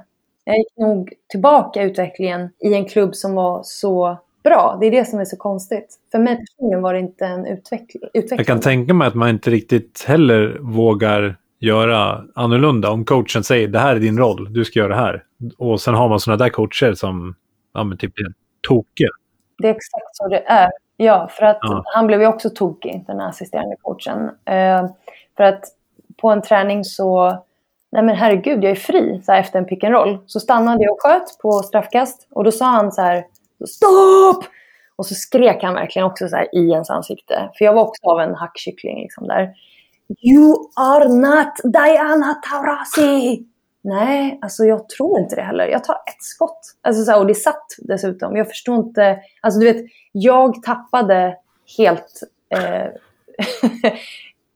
någon... jag tappade allt. Jag var bara så här, det spelar ingen roll vad jag gör. Eh, jag, jag skulle vara osynlig liksom. Men sen så skulle jag ju komma till hands då för dem när... För de spelade med sex Mm. spelare hela säsongen. Och sen blev vår point guard eh, liksom slit, alltså hon blev skadad. Så då var det ju min tur att hoppa in när slutspelet började. Från att ha spelat liksom 0, 10, 7, 0, 15, 0. Alltså jag visste inte, det var inte mycket, många minuter. Det var hoppade väldigt mycket. Så skulle jag ju plötsligt in och spela 30 minuter i slutspelet. Och jag var helt slut för jag var ju inte i form. Men det gick, det gick ju bra. För då, då tänkte jag nu jävlar, nu har jag min chans liksom. Kör bara. Eh, då kunde jag ju inte säga ta inget skott. Liksom. Men då hade man ju önskat att man var i den formen Ja, man kunde ha mm. varit. Och det var därför jag kände liksom att jag skäms. Liksom, ja, det här är, jag mår dåligt. Jag känner mig... Så det var ju inte en optimal... Jag förstod inte varför de tog dit mig. Eh, också för två år. Så jag hade ju tvåårskontrakt, men jag bröt ju det. Ja. Det fanns absolut ingen anledning för mig att stanna kvar. Trots liksom löneförhöjning och... Nej, Mm. men det var, det var riktigt jobbigt. För att det var... Nej, det var inte Nej. bra.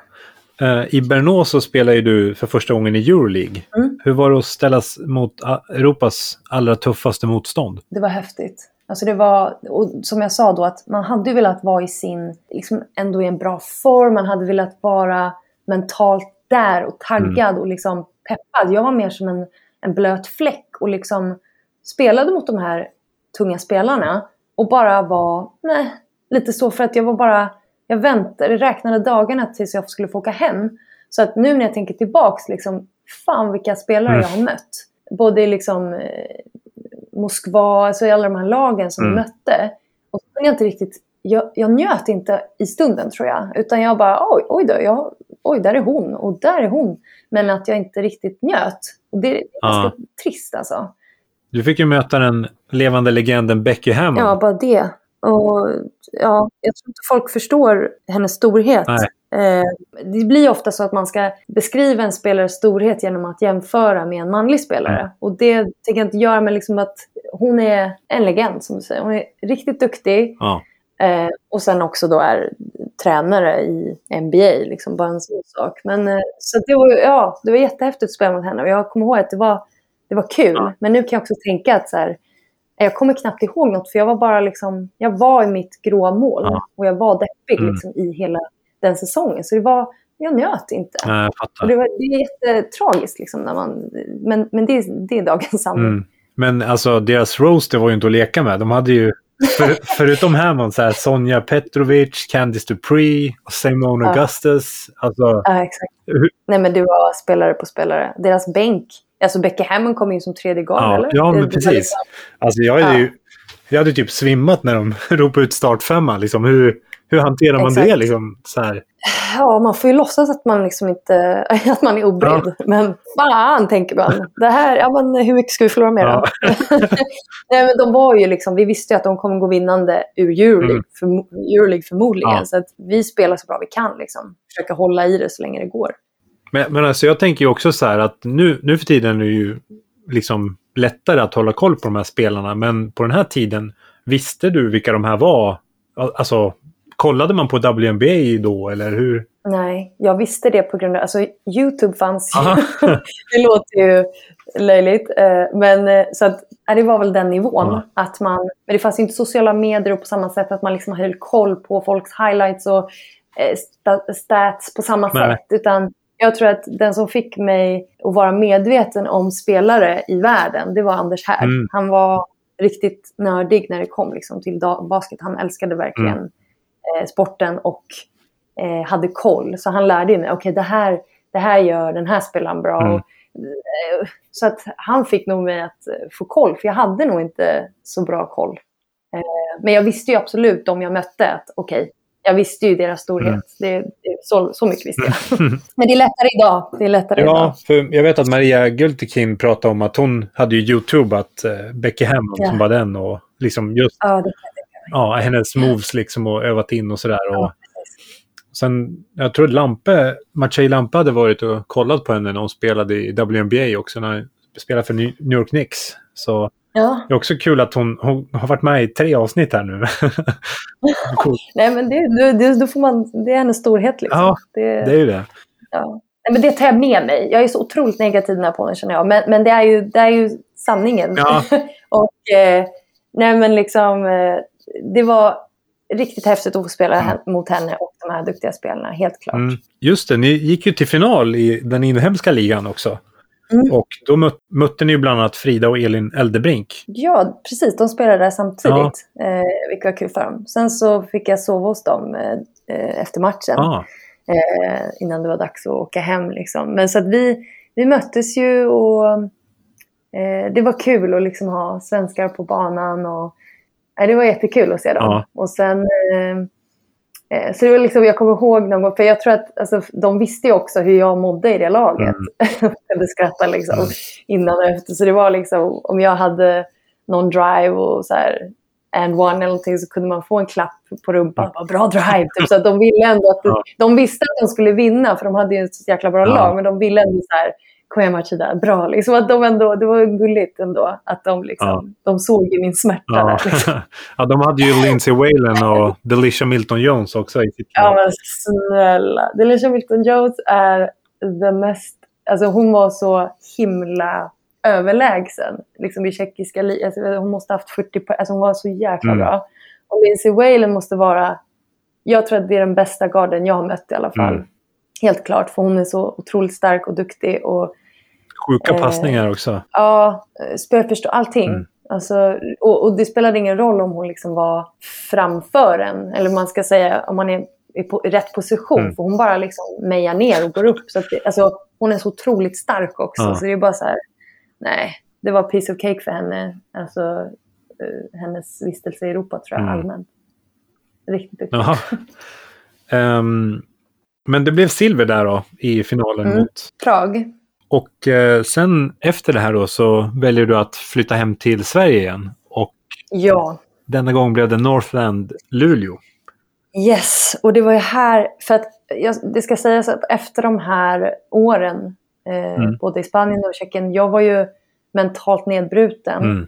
Eh, och var liksom, jag vill inte se en boll, men jag pratade med, eh, med Northland och för jag kände att jag, jag måste få tillbaka glädjen och det var precis det som hände Mm. eh, när jag kom tillbaka till Northland. Jag fick spela för Mikael Johansson och Mikael Johansson i Basket-Sverige vet nog de flesta liksom att eh, vilken eldsjäl han är och precis som Härdan var ju han liksom, Micke är en, en coach som pratar med spelarna, kommunicerar, Mm. förklarar varför han gör på ett visst sätt. Han är ja, pedagogisk. Ja. Och han är schysst. Och han ser inte dig bara som någon produkt eh, som han kan slänga bort sen. Utan han liksom brydde sig om alla. Jag fick verkligen tillbaka den här spelglädjen. Det var Ja. roligt. Han ville liksom... Han kan ta ens returer på morgonträning. Alltså, du vet, han är alltid tillgänglig. Alltså, det, var, det var underbart att få komma tillbaka till Sverige. Mm. Men framförallt Northland. Liksom och, ja, jag älskar ju staden Luleå. Mm. Och trots liksom mörkret och kyla. Men det var den perfekta platsen för mig att återvända till. Så att jag kunde få tillbaka liksom, Mm. glädjen för basket igen. Hur kändes det att vara tillbaka i ligan igen då? Det var kul. Och det var då jag också insåg så här, oj, här kan, alltså nu, visst, det är klart, jag säger inte att det var sämre guards, men jag, jag, jag var inte uppvaktad på samma sätt att någon var i ens shorts Ja. varenda spelminut. Och det var ganska skönt. Alltså. och det var ingen som stod och skrek på en liksom, Nej. att man sög eller att man var en dumkossa eller allt det här. Eller blev äh, utbytt för att man har en turnover eller eh, missar straffkast. Utan Liksom, man fick lira. Mm. Eh, så det var, jävligt, det var viktigt och kul. Mm. Då kunde jag liksom få upp känslan igen och bara okej, men nu kan jag åka utomlands igen. Liksom. Mm. Det var lite så. Kan du beskriva den spelmässiga skillnaden mellan den Martina som lämnade Sverige för Spanien och den Martina som två år senare nu var tillbaks för att representera Luleå? Det var svårt. Jag tror att jag... Alltså jag hade ju fått mer skinn på näsan. Mm. Eh, hade jag ju, men samtidigt var jag nog mentalt eh, nedbruten på så sätt att jag var redo att någon skulle liksom klaga på mig. Att jag, jag hade en hög prestationsångest, Ja. tror jag. Men jag tror att hon... Eh, hon eh, alltså den matchen som kom tillbaks till Northland var nog ändå ja, men hungrig och, och redo och ändå tuffare, Ja. tror jag. Ja. Hur- skulle du sammanfatta säsongen i Luleå då, det här året? Nej, Men den var viktig. Och jag, jag sket i, nu i efterhand sket jag i hur det gick. Vi kom till semi Mm. och det var ju vi jättebesvikna för. Mm. Men för mig var det den absolut viktigaste moven jag kunde ha gjort. Mm. För att eh, jag hade lika gärna kunnat, eh, inte sluta, men jag var, liksom, jag var riktigt trött på att det skulle vara på det sättet. Jag hade nog haft otur med dem, eh, den ledarstaben. Så jag visste att så här, okej, jag måste komma, jag liksom måste göra research. Jag kan inte bara åka någonstans så att min agent bara, här kan du åka. Alltså utan att ha kollat Mm. upp. Utan det måste passa mig som spelare. Mm. För det kunde ju passa, alltså Frida till exempel, hon spelade ju Bernard Mm. innan. Och det var ju jättebra för henne. För hon hade grönt ljus. Hon kunde liksom lira på, eh, även om coacherna var idioter så var de inte det mot henne. Nej. Förstår du? Jag blev hackkyckling så det funkade inte för mig. Mm. Eh, och därför visste jag att när jag kom tillbaka så visste jag okej nu vill du ut igen så måste du veta att det stället du åker till att coachen vill ha dig för, för den spelarstilen du har. Ja. Eh, Ja. Du spelade ju i Luleå där, då spelade ju även Ellen Nyström och Alice Nyström och eh, Ja, Josefin Westerberg som alla tre nu Precis. är återförenade i Luleå. exakt. Den talangfulla trion. Ja, eller hur? hur? Hur var det att spela med dem? Nej, men jag, tycker, jag tyckte om, alltså de var ju, jag var ju ung och de var ännu yngre. Eh, och jag tyckte att, alltså man såg tidigt liksom, de här tjejerna, de kommer bli bra. Mm. Eh, de har det i sig. Eh, och, så jag tycker det var jättekul att spela med dem. Och jag tycker att, eh, visst de är tre olika spelare, men liksom den trion, de är duktiga. Ja. Eh, Det blev ju en säsong i basketligan innan du sen återvände Mm. utomlands och denna gång tillsammans med just Josefin Westerberg till klubben, nu vet jag inte om jag ser rätt, men Ruzomberok Ja, Rujomberok. i Slovakien. ja. eh, nej men det var, trivdes superbra. Ja. Så då var det verkligen så här tredje gången gilt för mig. Och det är det bästa ut- utomlandsåret? Ja, Ja, by far. De två innan, jag kunde inte ens... Nej, jag fattar. Jag kunde komma till ett mediokert ställe och jag bara, åh fan vad bra. Fan vad bra det. Så så det var egentligen. Ja. Men eh, jag trivdes superbra. Josefin och jag fick eh, jättefin kontakt. Alltså, vi är eh, hon är en av mina bästa vänner. Mm. Och det var där det började liksom. Så det var, vi hade varandra liksom. Och det var jättekul. Vi bodde i en liten by eh, med berg liksom runt omkring. Och det kan man också tänka, jaha, hotshot, något. Alltså det var ju hur kul, liksom. Men för mig passade det så bra för att jag fokuserade verkligen på basketen. Jag hade hallen 50 meter från min lägenhet. Mm. Det var liksom bara att kvista dit. Och jag studerade också på, på distans. Så jag var verkligen i min bubbla. Ja. Liksom, där jag bara, eh, och vi spelade tre ligor. Ja, det. Så det var, det var det som var både bra och dåligt tror jag. Att vi reste otroligt mycket. så det var liksom, vi kunde ha tio matcher på tre veckor och det var bara pang på. Ja. Och mycket speltid och mycket träningar. Det var också otroligt tuffa träningar. Mm. Vilket är bra. Det är positivt, det är kul. Mm. Men det var också så här, ah, hade jag liksom, hade jag fått välja hade det varit lite mer chill på morgnarna. Mm. Eh, Men eh, nej, det, det var ändå det var bra. Men du pratade om det här med att det var viktigt att du fick, eh, ja men att du skulle välja den klubben där coachen vill ha dig. Hur, Mm. hur gick det till den här gången? Liksom, hade du liksom, kände du av eh, coachens vibe innan du skrev på? Både nej. Alltså ja, det gjorde jag. Men ehm, jo, men det gjorde jag. Men sen visade det sig att han hade aggressionsproblem. Mhm. Eh, alltså på riktigt hade han det. Han fick ha ett armband eh, som han skulle, så han skulle påminna sig själv när han brusade upp sig för mycket. Och det låter ju, det här var min bästa coach. Eh, alla aggressionsproblem. Men han, så han kunde liksom slänga tavlan genom omklädningsrummet, sparka och kasta grejer. Uff. Men jag, jag garvade nästan lite åt honom för att alltså, han var han hade ändå hjärtat på rätt ställe. Okej, även om han ja.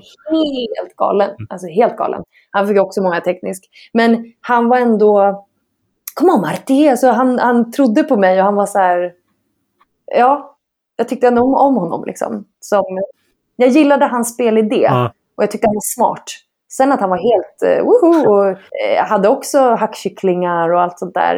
Eh, så var han ändå, jag förstod om man kunde prata basket med honom. Och det är det jag tycker är viktigt ändå. Mm. Alltså, jag har en spelfördelare här som ser att den här vinkeln funkar inte i det här spelet. Det är bättre om vi kommer hit. Alltså att man kan snacka med sin coach. Ja. Eh, och det, det tycker jag är värdefullt. Och i, inte att jag på något sätt att man sätter sig över eh, han som är in charge. Utan mer att man har en dialog. Så här, du, visst, här får vi jäkligt mycket turnovers på den här passen. Ska vi sätta en screen först? Ja, och så kan man prata. Mm. Och det tyckte jag om att vi kunde göra ändå. Mm. Eh, inte att jag skulle komma och säga massa saker, men att vi kunde konversera ändå om basket. Mm. Det gillade jag. Hade du liksom det i, i tanken liksom när du skrev på för Luleå där att du skulle tillbaka till Europa eller kände du liksom så här att det var, ja vad ska man säga, att du var klar med Europa? Nej, jag är ju envis alltså, för jag vill inte att det ska avslutas på ett sånt sätt att så här, jag gjorde två år och mådde verkligen skit. Ja. Alltså så här. Mm. det gjorde jag. Alltså, Mm. Det var skitjobbigt. Eh, så att jag ville ändå så här, nej, det ska inte få vara så. Någonstans, det måste, för att folk har ju bra upplevelser utomlands. Jag tror bara jag hade extremt otur.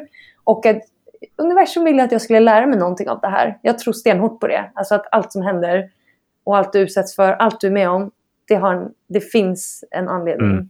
Eh, Det tror jag stenhårt på. Så jag visste att okej, nu nästa steg, vad som än händer så är det menat. Liksom. Men, men det, blev ju, det blev ju bra. Hur mycket visste du om klubben Rujomberok när du kom dit? Ehm, Innan du kom dit menar jag. jag visste att vi hade mött dem i försäsongsturnering med Bernå. Mm.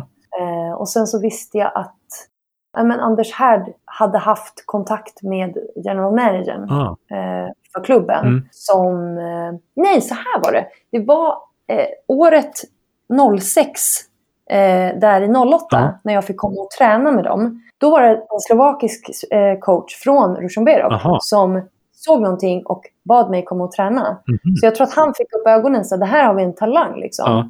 Så sen efter några år, då var jag liksom etablerad. Så det var nog en mix av att så här, de hade haft koll på mig lite, tror Ah, jag. okej. Och sen, ja, så, så kom jag dit. Mm. Eh, Det var samma coach då som var Nej, han var inte coach, utan han med aggressionsproblem. Han var, en, ja, men han var också lite arg, men, men det, det, var inte... han, han, var, han tränade B eller C-laget då. Ja, okej. Så att han, var liksom, han kanske kom och gästassisterade oss någon gång, men han var inte liksom, coach för, klubb, för klubben då. Mm. Så att det var nog en mix av att så här, jag kanske hade funnits på kartan, Anders hade eh, kontakt med dem. Alltså det, var nog, det fanns några tjejer i, i 08 som nog hade kommit och tränat. Mm. Eller var det... Ja, jag, jag, minns inte. Nej, okej. Hur, Mm. hur såg truppen ut då? Var det många liksom, inhemska spelare eller? Ja, det var det. Det var jag och Josse då. Mm. Eh, två svenskar. Sen var det en... Eh, tre amerikanskor. Jag. Eh, som hade en säsong och sen så vet jag inte om... Någon kanske spelade i Ungern och sen la de av och blev coacher. Typ. Ja, okej. Ja, Ja. De var duktiga liksom. Ja. Också. Men du nämnde också att ni spelade i tre olika ligor. Ja, herregud. Det var ju Eurocup, inhemska ligan och sen Middle European League. Precis. Det var då tanken att man skulle göra en Middle European League som, eh, som har samma koncept som Eurocup. Ah. Bara att det var lag som var nära varandra. Så att, ja, jag vet inte om det hade med budgeten att göra, att man ville liksom, att det skulle vara nära att resa. Mm. Eller om det var att liksom, man vill ha ytterligare en liga och se hur det funkar. Och sen så tror inte jag att den höll i så länge. Nej, Utan den, den var nog bara... några år tror jag. Ja, precis. För jag har inte hört någonting om den efteråt. Nej, men eh, för du sa att du pluggade samtidigt. Liksom. Hur, hur mycket hann du plugga liksom? Nej, jag pluggade heltid eh, psykologi. Samtidigt som du spelar de här tre? Ja, så det var, det var lite jobbigt i den där minibussen. Ja. Att och läsa i en tjock psykologbibel på engelska. Liksom. Mm. Det, var, det var ganska tufft, men det är bra och det var kul. Jag tror att den psykologikursen, för den, det är beteendevetenskap som jag intresserar mig av och då var det human behavior på Mm. schemat. Så jag, jag relaterar ju till alla i laget. alla, Det var där du liksom reflekterade coacherna. ja, och jag hade en liten teori, för han, han var väldigt eh, hård med mig. Alltså, han kunde skrika mitt namn, även om jag satt på bänken. Bara för att, varför skriker Ja. han på mig? Liksom? Då hade jag en teori om att så här, men jag är nog för snäll. Alltså, så här, jag kan, han tror att jag kan ta det på något sätt. Och sen då efter säsongen, så, så när vi hade liksom vår slutfest där, så tog jag ta, liksom, så, så bara Martin, jag får prata med dig här. Jag vill bara be om ursäkt för hur mycket jag har varit på dig och liksom inför laget och skrikit på dig. Så här, Men det var för att du kunde ta det. Och då var jag så här, jaha. Alltså så här, vad fan Ja. är det där för något? Jag blev, så här, jag, jag blev irriterad så här, att jaha, då var det som jag Ja. trodde liksom. Och det kan jag är konstigt. Hur visste han att jag kunde ta det? Jag tyckte det var skitjobbigt att han var på mig och skrek så där, för jag tyckte det var onödigt. Men han sa att då äggar jag igång de andra spelarna. Aha. Och, och då kan jag bli så här, hmm, är det här ett mönster jag liksom... Jag vet inte. Det, det var speciellt. Men det var ändå trevligt att få en ursäkt liksom att fan, jag har varit på dig jävligt mycket. Ja, ber om ursäkt. Det var ändå trevligt att få en ursäkt. ja, det var den enda coachen i alla fall som har bett om ursäkt. Ja. ja, ja. Det blev ganska mycket matcher då den här säsongen. Minns du liksom hur många det kan ha varit? Ja, nej, jag har inte Nej. räknat. Men jag vet att det var liksom, vad kan det vara i inhemska ligan? 30 kanske? Ja. Eller för att vi gick ju till final så det var ändå slutspel. Sen kanske det var, jag vet inte om det var kvartsfinal i Eurocup, sen var det mid, nej, jag Nej. vet inte. Jag vet bara efter jul, när man kom Ja. hem, eller kom tillbaka, så var det tio matcher på tre veckor. Och det var liksom så här, för vi reste ju också i en minibuss, för vi bodde ju liksom i bergen. Så att det var ju, vi åkte ju så här, ja men närmsta match var så fyra, tre, fyra Mm. timmar. Sen var det ju ja, men sju timmar, sex timmar, tio timmar. Det var ju extremt hela tiden överallt. Men du, Eh, din roll i laget då, hur såg den ut? nej men den var... Det här tyckte jag om att han var så här, det du, det du säger till mig att du vill ha mig, det, det kan jag liksom ge dig på Mm. något sätt. Alltså att, vill du att jag är point guard, då är jag det. Vill du att jag är skytt, då är jag det. Så att här fick jag utveckla så här ett, ett, det här kombospelet som passar Ja. mig. Eh, som jag inte då, jag var point guard liksom i, i de tidigare åren, men här var första gången han bara, jag vill ha dig som skytt. Jaha, så att då fick jag liksom eh, få screens och komma av ett skott utan dribbling. Alltså det hade inte jag varit med om. Jag var alltid spelfördelare och, och kunde komma av mitt eg, liksom skapa mitt eget Mm. skott. Här fick jag, så att min roll blev, den, började i point guard, sen ville han mer ha mig som Mm. skytt. Så att då fick jag vara kombogard hela säsongen och det tyckte jag, det tyckte jag var Mm. kul. Och det var roligt. Och han hade mig på plan, men sen var det eh, en slovakisk guard där, jätteduktig tjej, men hon, han tyckte att hon strugglade med mentalt om hon, för att hon ville starta. Mhm. Så att då hade hon bett, så här, kan inte jag få starta istället? Så då fick jag börja från bänken istället. Så min roll blev helt plötsligt så här, okej du ska komma in som sjätte spelare. Men för mig, jag brydde mig inte. Alltså jag tyckte om att komma in från Mm. bänken. Men min roll var med det sagt, alltså den var bra. Det var, jag var, hade en viktig roll Ja. där liksom. En grej som jag glömde fråga, eh, Middle European League. Vad, Kan du berätta lite om vilka lag och länder som var med i den? Om du minns ungefär.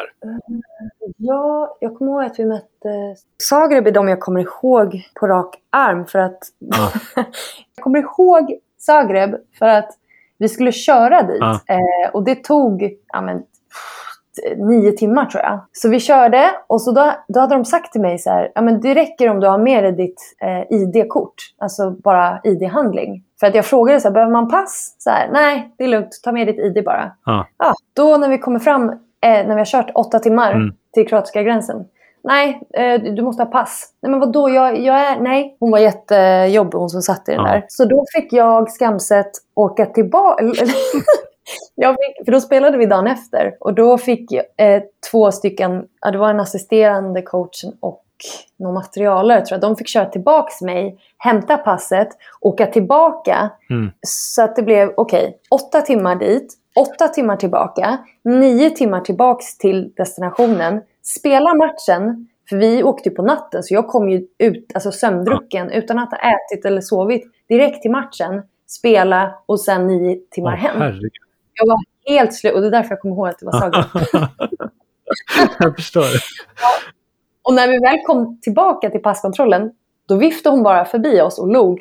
Så hon ville bara vara jävlig, så jag behövde inte ens visa passet. Åh, fy fan. Men det sjuka var att jag spelade en väldigt bra match. Eh, och var skittaggad. Eh, för att det kan bli sådär när man är så oförberedd att man taggar igång på något Mm. sätt. Eh, så det var ju helt orimligt. Jag hade ju tagit någon konstig croissant liksom, på en eh, bensinstation på vägen dit. Men jag hade ju inte sovit. Alltså jag satt i en bil. Alltså det var fruktansvärt. Men det var Mm. Zagreb. Men eh, mer kommer jag faktiskt inte ihåg. Hur skulle du beskriva livet som basketproffs i Slovakien då? Jag gillade att hallen var så nära och att de hade öppet Mm. liksom för träning. Så att det var ett gym också där som... Eh, och Josse, Josefin Westerberg, hon är en eh, extremt hårt tränande person. Mm. Så hon vill ju träna hela, hela tiden. Och jag kände så här, Josse, två gånger om dagen räcker bra för mig. Liksom, jag behöver inte en tredje. Eh, så hon hade ju nyckeln, men de fick ju ta nyckeln från henne. Att hon, hon tränade ju för mycket. Ja. Men jag skulle beskriva det som bra. Jag gillade att det var 100% fokus på basketen. Det Mm. var liksom allt. Eh, och sen är det så otroligt billigt. Alltså det var så att den lönen man hade, det, liksom, den var okej i Sverige, men där blev den väldigt bra för att, alltså, jag, vet, jag vill inte lägga den, liksom, för jag dricker inte så mycket, men jag vet att en öl kostar typ 7 kronor. Mm. Så jag visste, alltså för de som liksom, det var ju de, de som kom och hälsade på var ju Ja. liksom överförtjusta i det landet, så är det billigare med öl än vatten.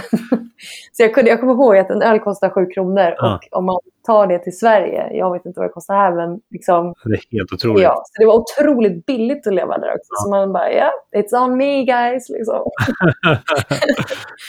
Men du, du berättade ju liksom att i Tjeckien så hade man eh, typ ett så gammalt system och liksom Mm. eh, ja, man hade gjort på samma sätt i flera år. Kände du av den viben i, i Slovakien eller var det helt annorlunda? Nej, absolut inte. Han var väldigt eh, uppdaterad och tänkte basket. Alltså, både Ja. i Spanien och i, i Tjeckien så hade de här coacherna haft samma spelsystem i 30 år. Ja, Alltså, ja det var de Ja, var gubbarna ja, ja. som... Och de, de vägrar ju liksom se nytt.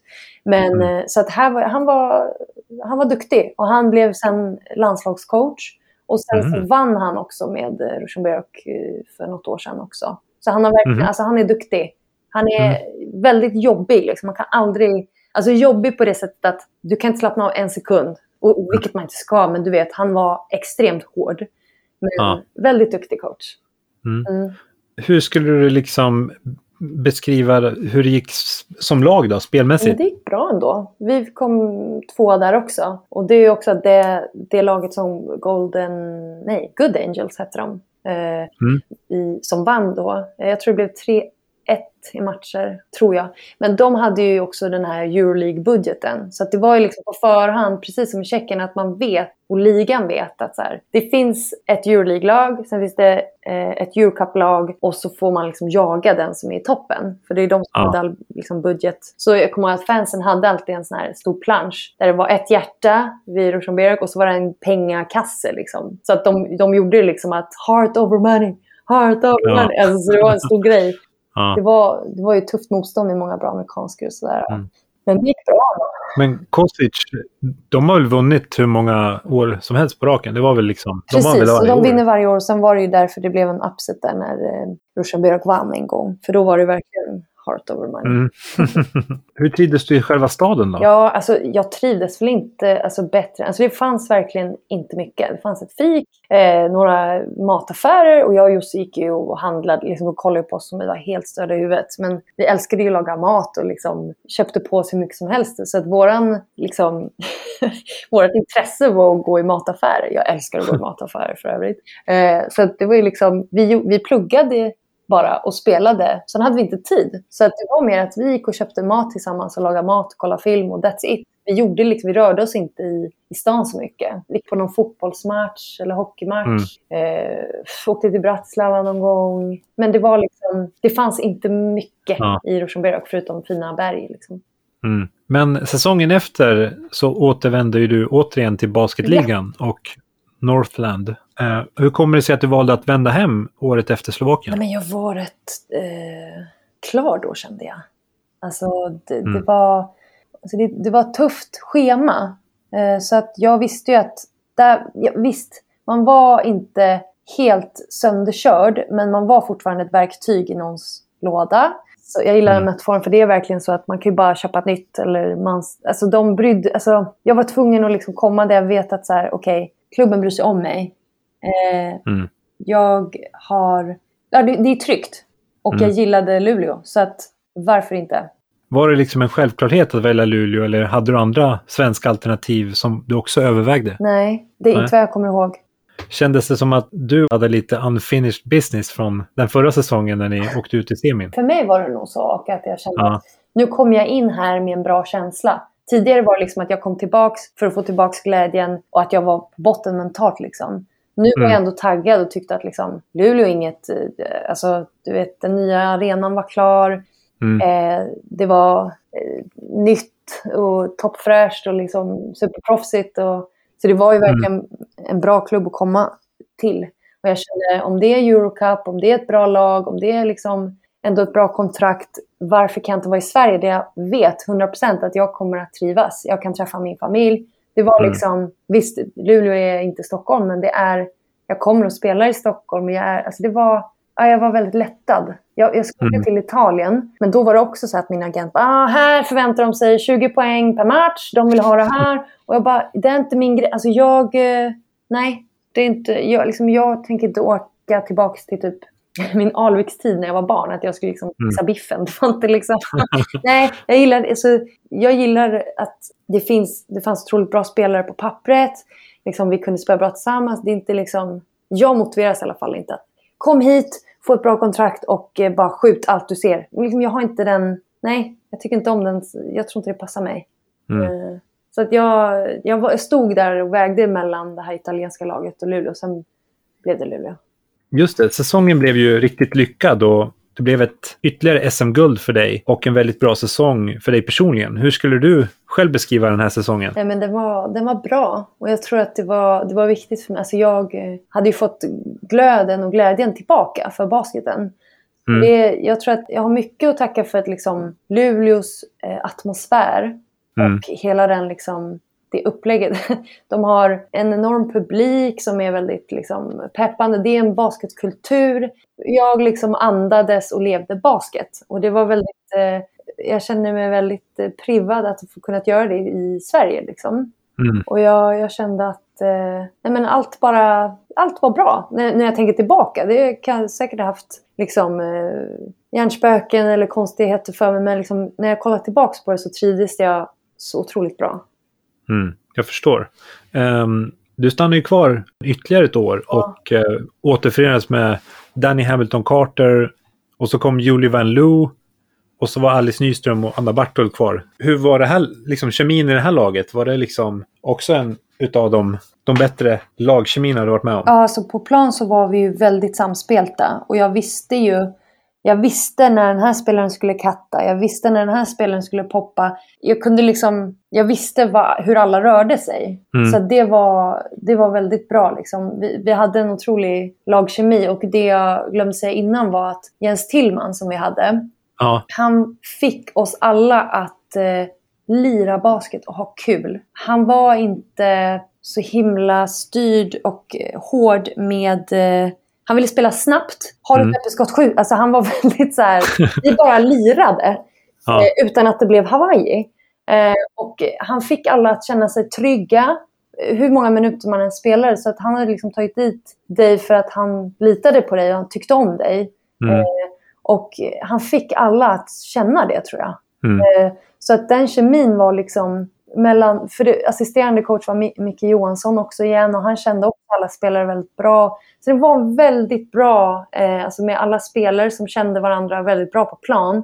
Mm. Eh, med de här två coacherna. Det blev eh, succé faktiskt. Det var en bra match. Och sen var ju också, det här var mitt femte år med Josefin Westerberg också. Så att jag, ja. nu visste jag ju också det där, men jag menar att så här, jag vet när Alice kommer att katta.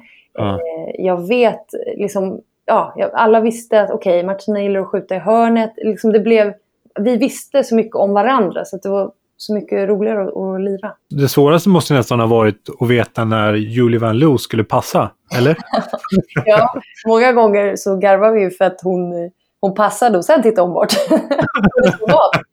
för att, om hon tittar på dig, då passar hon inte. Så att vi vet ju att det är no look passes som gäller. Ja. Eh, så att precis, man måste vara redo hela tiden. Liksom. Ja. Eh. Hon är helt fantastisk att se när hon ja. spelar. Liksom. Ja, hon har en otrolig blick eh, för ja. spelet. Och det var det hon också uppskattade sen när vi pratade liksom, gard till gard. När vi liksom pratade om hela laget och hur vi ska ja, men, få det att funka. Så, så pratade vi mycket om hur häftigt det var att ha de här rörliga, stora spelarna som både jag och Julie uppskattade så mycket att ha runt oss. Alltså vi visste efter en pick and roll att här kommer Josefin katta, här kommer ja. Alice katta, här kommer Anna poppa och skjuta. Alltså vi visste vad vi hade dem hela tiden. Ja. Det var så kul att ha ja, men rörliga spelare liksom. Mm. Eh, det, var, det var riktigt kul. Och sen var det ju så himla kul att få återförenas med Danny också. Ja. Eh, efter alla de här åren och liksom, vi har upplevt så mycket tillsammans. Eh, så både glädje och sorg liksom, mm. i alla eh, avseenden. Liksom, I privatliv mm. och utanför. Och så här, vi är väldigt nära. Eh, så det, nej, det var... Jag kan se tillbaks på det som att i Luleå var det det jag tyckte var, då var det det, roligaste. Mm. Det var de roligaste åren jag hade. Ja, jag pratade lite med Jens Tillman här innan den här ah, intervjun. Okay. Och han berättade lite om hur det var i den här finalserien mot uh -huh. You Dominate. Uh. och eh, han hade ju kört helt slut på er i den fjärde matchen och när de kvitterade till 2-2 i matcher. Mm. Och sen var ju ni typ helt uttorkade och fastnade typ i en dopingkontroll. Jag vet inte om du minns det? Jo, säkert. När man bara vill hem. ja. och så sa han det liksom att jag tror att ni kom hem till Luleå typ två, tre på natten. Ja, ja, absolut. Ja. Och så hade ni samling klockan elva. Ja. Och han sa det liksom att när ni kom till hallen så beskrev han det som att alla såg ut som ett veteranlag på typ 65 plus i rullstolsbasket. Där typ alla hade glömt sina rullstolar hemma. Ja, nej, men det, det låter som ett Jens-citat. Jag tror han gjorde sig rolig över att vi var stela, men eh, det är inte så konstigt. och sen liksom på uppvärmningen då så, så var alla helt slut och ni liksom körde man-man direkt liksom på helplan. Mm börjar träningen så. Och sen bara liksom kliver in och vinner den här femte avgörande matchen i en kokande arena. Mm. Och något som Jens liksom fortfarande har svårt att greppa, det är liksom hur framförallt du och de andra i laget kunde göra det efter liksom så pass lite sömn och efter varit så slutkörda. Mm. Så han undrade lite, har du något svar på? och hur vi klarade det? Ja. Nej, men adrenalin upp till tusen. Alltså det är de här matcherna man lever för. I alla fall, jag tycker att det är det absolut roligaste som finns. När det, liksom är, det står så mycket på spel. Det är nu eller aldrig lite. Och det, förlorar du så kommer du vara förstörd. Vinner du, ja, men då, då är det fest i Luleå imorgon. Liksom. Mm. Eh, och åh, jag får rysningar för att det, det var så himla roligt. Vi var ju helt slut, absolut. Men det, det var ju Umeå också. Liksom. Så det var ju, det är bara, vem orkar? Och sen tyvärr så var jag sjuk. Så att jag fick ju proppa Alvedon och liksom bara lämna allt på plan. Det var ju liksom, jag kommer ihåg, jag bara nu, nu, nu tuppar jag av liksom. Men det var, man fick ju någon urkraft där. Eh, mm. Så att, eh, ja, nej, det är klart, vi alla var ju helt slut. Men eh, mm. äh, adrenalin tar över. Liksom. ja. Sen är man helt däckad liksom, dagen efter, men det, det får man ta. Ja, du blev ju även poängbäst i den här finalen också, som du blev i 08 Stockholm-finalen. Mm. Um, och uh, du blev ju ditt fjärde SM-guld. Ja. ja. Och så blev du även utsedd till SPL Dams mest värdefulla spelare. Mm. Nej, men om man jämför då med det du beskrev om Alvik, liksom, hur kändes det att ta emot den här titeln nu när du var vuxen och liksom så här, du hade gjort en riktigt bra match? Ja, nej, men jag var jätteglad såklart. Och stolt över mig själv och allt sånt där. Men främst var jag glad för att vi vann. Men det här ja. var ju liksom grädden på moset. Jag var chockad och jag trodde inte att jag skulle få det. Eller liksom, för jag tror inte att det är sy- Eller liksom, jag, jag, jag, tror inte jag var, jag var inte redo på att få det. Mm. Och sen så har man ju den här lilla rösten här bak som säger att så nej, du är inte värd det. Eller det var någon annan som skulle ha det. Eller oj, nu, nu, nu finns det folk som tycker att du inte skulle ha det. Alltså mm. den där kommer alltid finnas, liksom, den här jantelags... Men jag, jag, eh, jag var jätteglad och stolt. Det var ja. jag. Mm. Jens sa att du, du var värd varenda busvissling och liksom all publikens jubel den här matchen. För att han, ja, det är en av de bästa matcherna han har sett i spela. Ja, vad fint. Jo, men det var, det var ju någon urkraft som fanns i mig där. Jag, mm. Ja, bara gav allt. Det var liksom, de här matcherna när man inte tänker, det är då man spelar som bäst. För att jag har ändå många hjärnspöken och mentalt liksom, när man tänker, nej men nu har du satt två, då kommer du missa nästa. Det här som hur kan du bara skaffa en mental tränare och liksom jobba med det här? Mm. Det tror jag att många skulle behöva, men att man bara skjuter det lite åt sidan. Men liksom, det jag skulle komma till var att när man bara tänker och lirar, det är då man är sitt sanna jag. Man bara kör. Ja. Eh, och jag kände verkligen att jag var i en sån liksom, bubbla där jag bara, jag bara körde. Jag kan liksom inte förklara det bättre. Nej. Det är så det ska vara. Ja. Skulle man kunna säga att det här är din bästa säsong någonsin, eller vad säger du? Ja, på pappret är det ju. Ja, det, men det är det ju. Också, också för att jag tyckte att det var så roligt. Mm. Liksom, och det här laget var så roligt och he, liksom, spelsystem, allt passade väldigt bra. Hela Jens spelidé och laget som vi hade. Ja, jag tror att det var liksom det bästa för att jag mådde också som bäst ja. i den eh, konstellationen. Minns du liksom hur ni firade det guldet? Eh, men det var nog... Eh, vi hade ju sån här... Vi hade nog samma låt på repeat 50 gånger i den där arenan. Eh, och liksom, det, det, är så fint för att hela staden firar ju med en. Så det är inte bara som när man vann i 08. Det är jättekul. Och så har man liksom för, eh, klubben som firar tillsammans. Mm. Eh, men de tittar på en när man går med sina medaljer. Liksom, Jaha, vilka är de? Liksom? Att man får en liten notis i tidningen. Men hela staden var ju involverad i Luleås guld. Ja. Så att det var verkligen en folkfest. Dels på dagtid, liksom med den här äh, guldlasten som åkte runt i stan och alla från sina balkonger och stod och klappade. Alltså det, är, det är ju det är en extrem basketkultur där uppe och tradition. Mm. Så det är väldigt fint på det sättet. Sen på kvällen så var det väl liksom dans och champagne och eh, med alla liksom eldsjälar som är där i klubben och alla eh, som jobbar i klubben. Så det finns ju många eh, volontärer och, eh, som är där med biljetter. Och, alltså det finns så många gulliga människor där uppe. Mm. Åh, de är så fina. Så att all, alla festade ju. Liksom. Mm. Barn till gamla. Ja. Eh, Danny tyckte jag skulle fråga dig om när ni blev inbjudna till en uh, turnering i Katrinburg i Ryssland. Ja. Och så blev ni inbjudna på en dragklubb. ja, eh, det blev vi. Ryssland är också lite spes alltså i sitt... De är liksom erkända homofober och de har liksom sitt Putin-regering. Alltså, det är väldigt hårt land så, vi behöver inte gå in på politik, men sen att de liksom, att underhållningen Nej, då ska det vara drag queens. Det är ganska, ja, vad ska man säga, det är otippat att de liksom ändå, det här bjuder vi på. Eh, så det var ju en dragshow. Vi hade skitkul. Alltså, de var ju jätte, det var ju skitkul. En bra show liksom. Eh, och vi Mm. sjöng med och det var ju hur kul som helst. Mm. Men vi, ska, vi satt ju mest och skrattade åt Jens Tillman som var jätteobekväm. Han satt där bara mest och ville gå hem. Eh, så eh, det var jättespeciellt eh, var det ju. Ja. Jättekul. Ja. Eh, Efter det här året i Luleå så väljer du att lämna klubben och flyttar till eh, Umeå och Mm. eh, spelar för U-Dominate. Hur kommer det sig att du valde att lämna Luleå efter SM-guldet? Jag tror att det var klart då för mig. Eh, efter tre säsonger i Luleå. Det var... Mina kompisar flyttade också liksom från klubben. Så, och jag kände att det var dags för något nytt. Och då var det tänkt att jag skulle åka till Polen eller Tyskland. Men det blev inte av. Så att jag, hela den sommaren, för att jag trodde att jag skulle åka till Polen liksom direkt när jag, när jag ändå var kvar i Luleå. Eh, de sista, alltså när jag bara väntade på flyget hem, har Mm. jag för mig.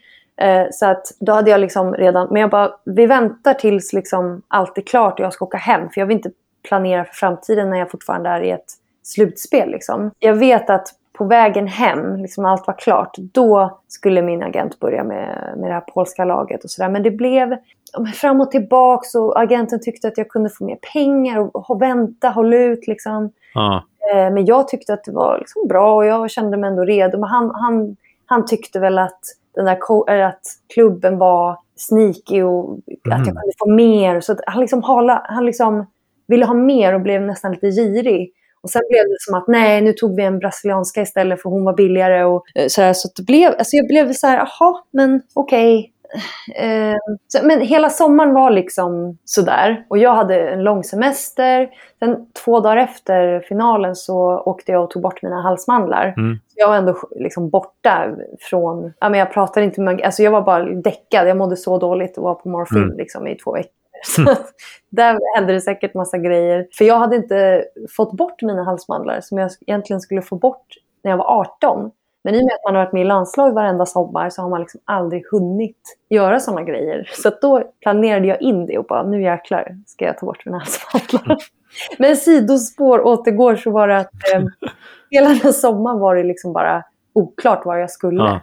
Eh, och då försökte jag så här, okej, men då hade Umeå hört av sig och bara, men då kom jag överens om att jag kan ju träna där och vara där. Så då skrev jag på ett klausul, alltså ett kontrakt, korttidskontrakt med en klausul. Och sen där, när det var dags att åka, för då skulle jag till Italien, så Ja, men vi hade ju, jag vet inte hur många vinster i rad och vi, det var kul liksom med tjejerna i laget och Ja. sådär, så jag stannade. Eh, och eh, ja, så blev det. Så då stannade jag Umeå. För det var två spelare som skulle komma tillbaka från en skada Mhm. eh, på min position. Så det var därför jag bara, men då drar jag. Men sen så, så hade jag ändå en bra liksom, situation. Mm. Så att jag stannade kvar där. Eh, Du var ju nämligen med i laget som tog Sverige till sitt första EM-slutspel på 25 år, 2013. Ja. Hur, hur var det att vara med i det eh, kvalet? Nej, men det var kul. Det var många tuffa matcher. Jag kommer ihåg att eh, vid, vi spelade, vi vann mot Spanien borta som var en riktig liksom, upset. Mm. Och det var en riktigt tuff och rolig match. Ja. Så jag vet att liksom, det var, det var ett bra, bra stämning i laget. Och det, var liksom, det kändes bra, det kvalet. Så det, ja, det var roligt. Sen när själva EM-slutspelet drog igång så var inte du med i truppen. Nej. Vad berodde det på? Det fick jag inget solklart svar Ah. för. för att jag var med tills dagen innan vi skulle dra. Mhm. Eh, och då så sa coachen, eh, när jag frågade varför, så sa han att han inte hade ett svar på det, utan att det var magkänsla och att eh, offensivt kunde man inte prata om, för att, men det var inte det han ville ha mig, utan det var nog att om vi skulle byta i screens Ja. eh, så skulle jag inte stå emot de stora spelarna lika bra. Men, men det var det enda, han sa jag kan inte säga mer, det här är en magkänsla. Och jag menar, det får man ju ta. Alltså, alla coacher tycker olika och har olika liksom, sorters spelare som man vill ha. Men det var ju tufft liksom, att ha varit med en hel sommar och sen Mm. precis dagen innan, liksom, nej men hejdå. Så det var ju tufft liksom. Mm.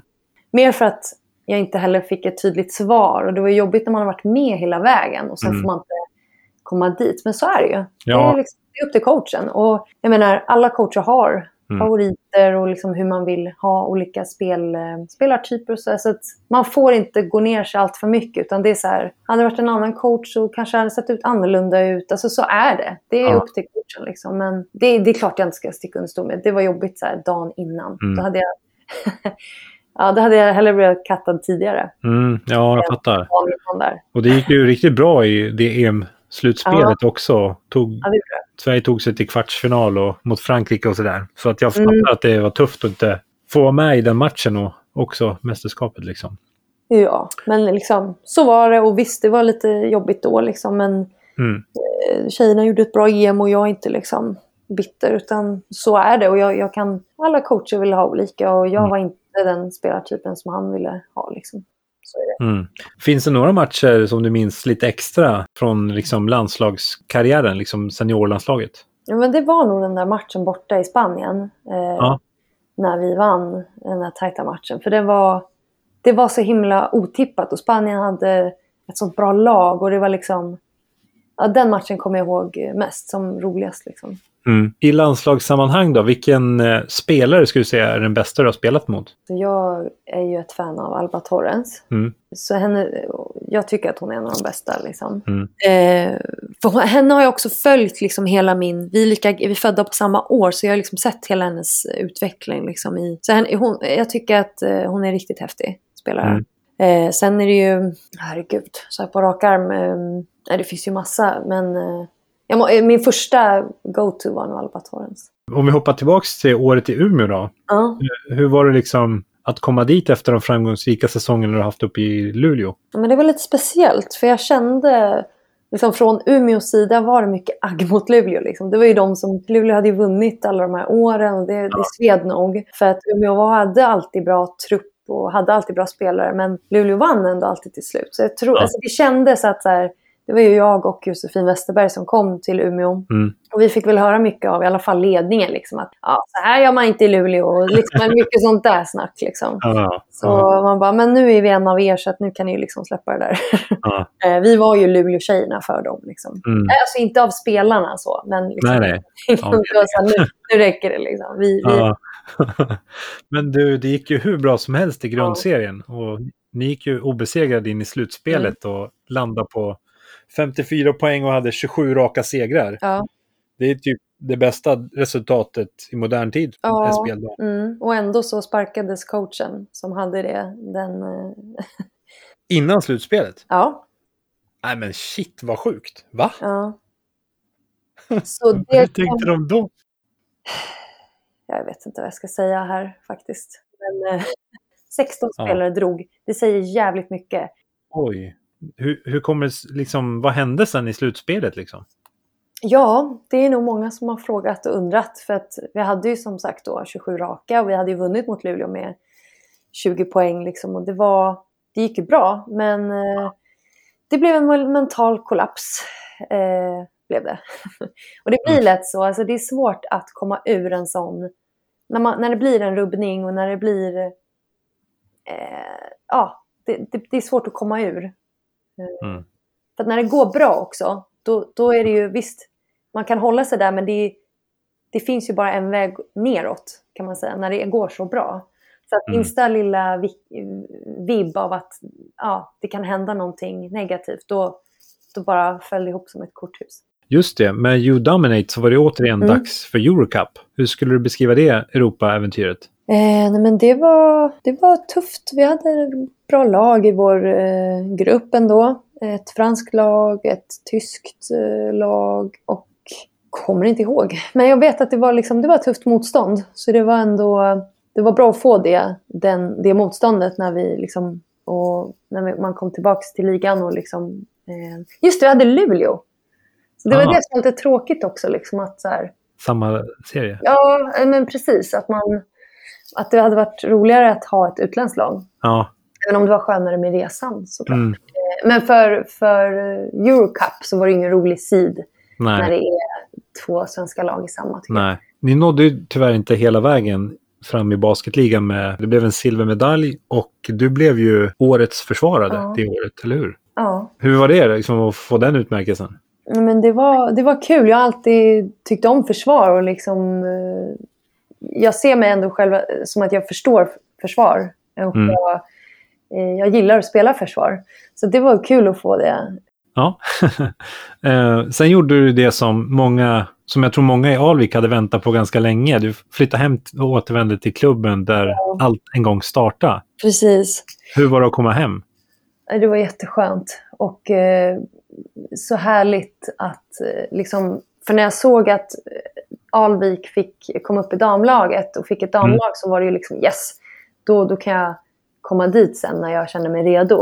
Eh, och det var ju så det blev. Eh, sen, eh, det var så härligt att sätta på sig det där linnet igen och liksom Ja. springa ut. så, alltså jag, så, jag blev nostalgisk liksom. Ja. Jag tyckte att det var kul och det var många duktiga spelare och liksom få bo hemma och så här.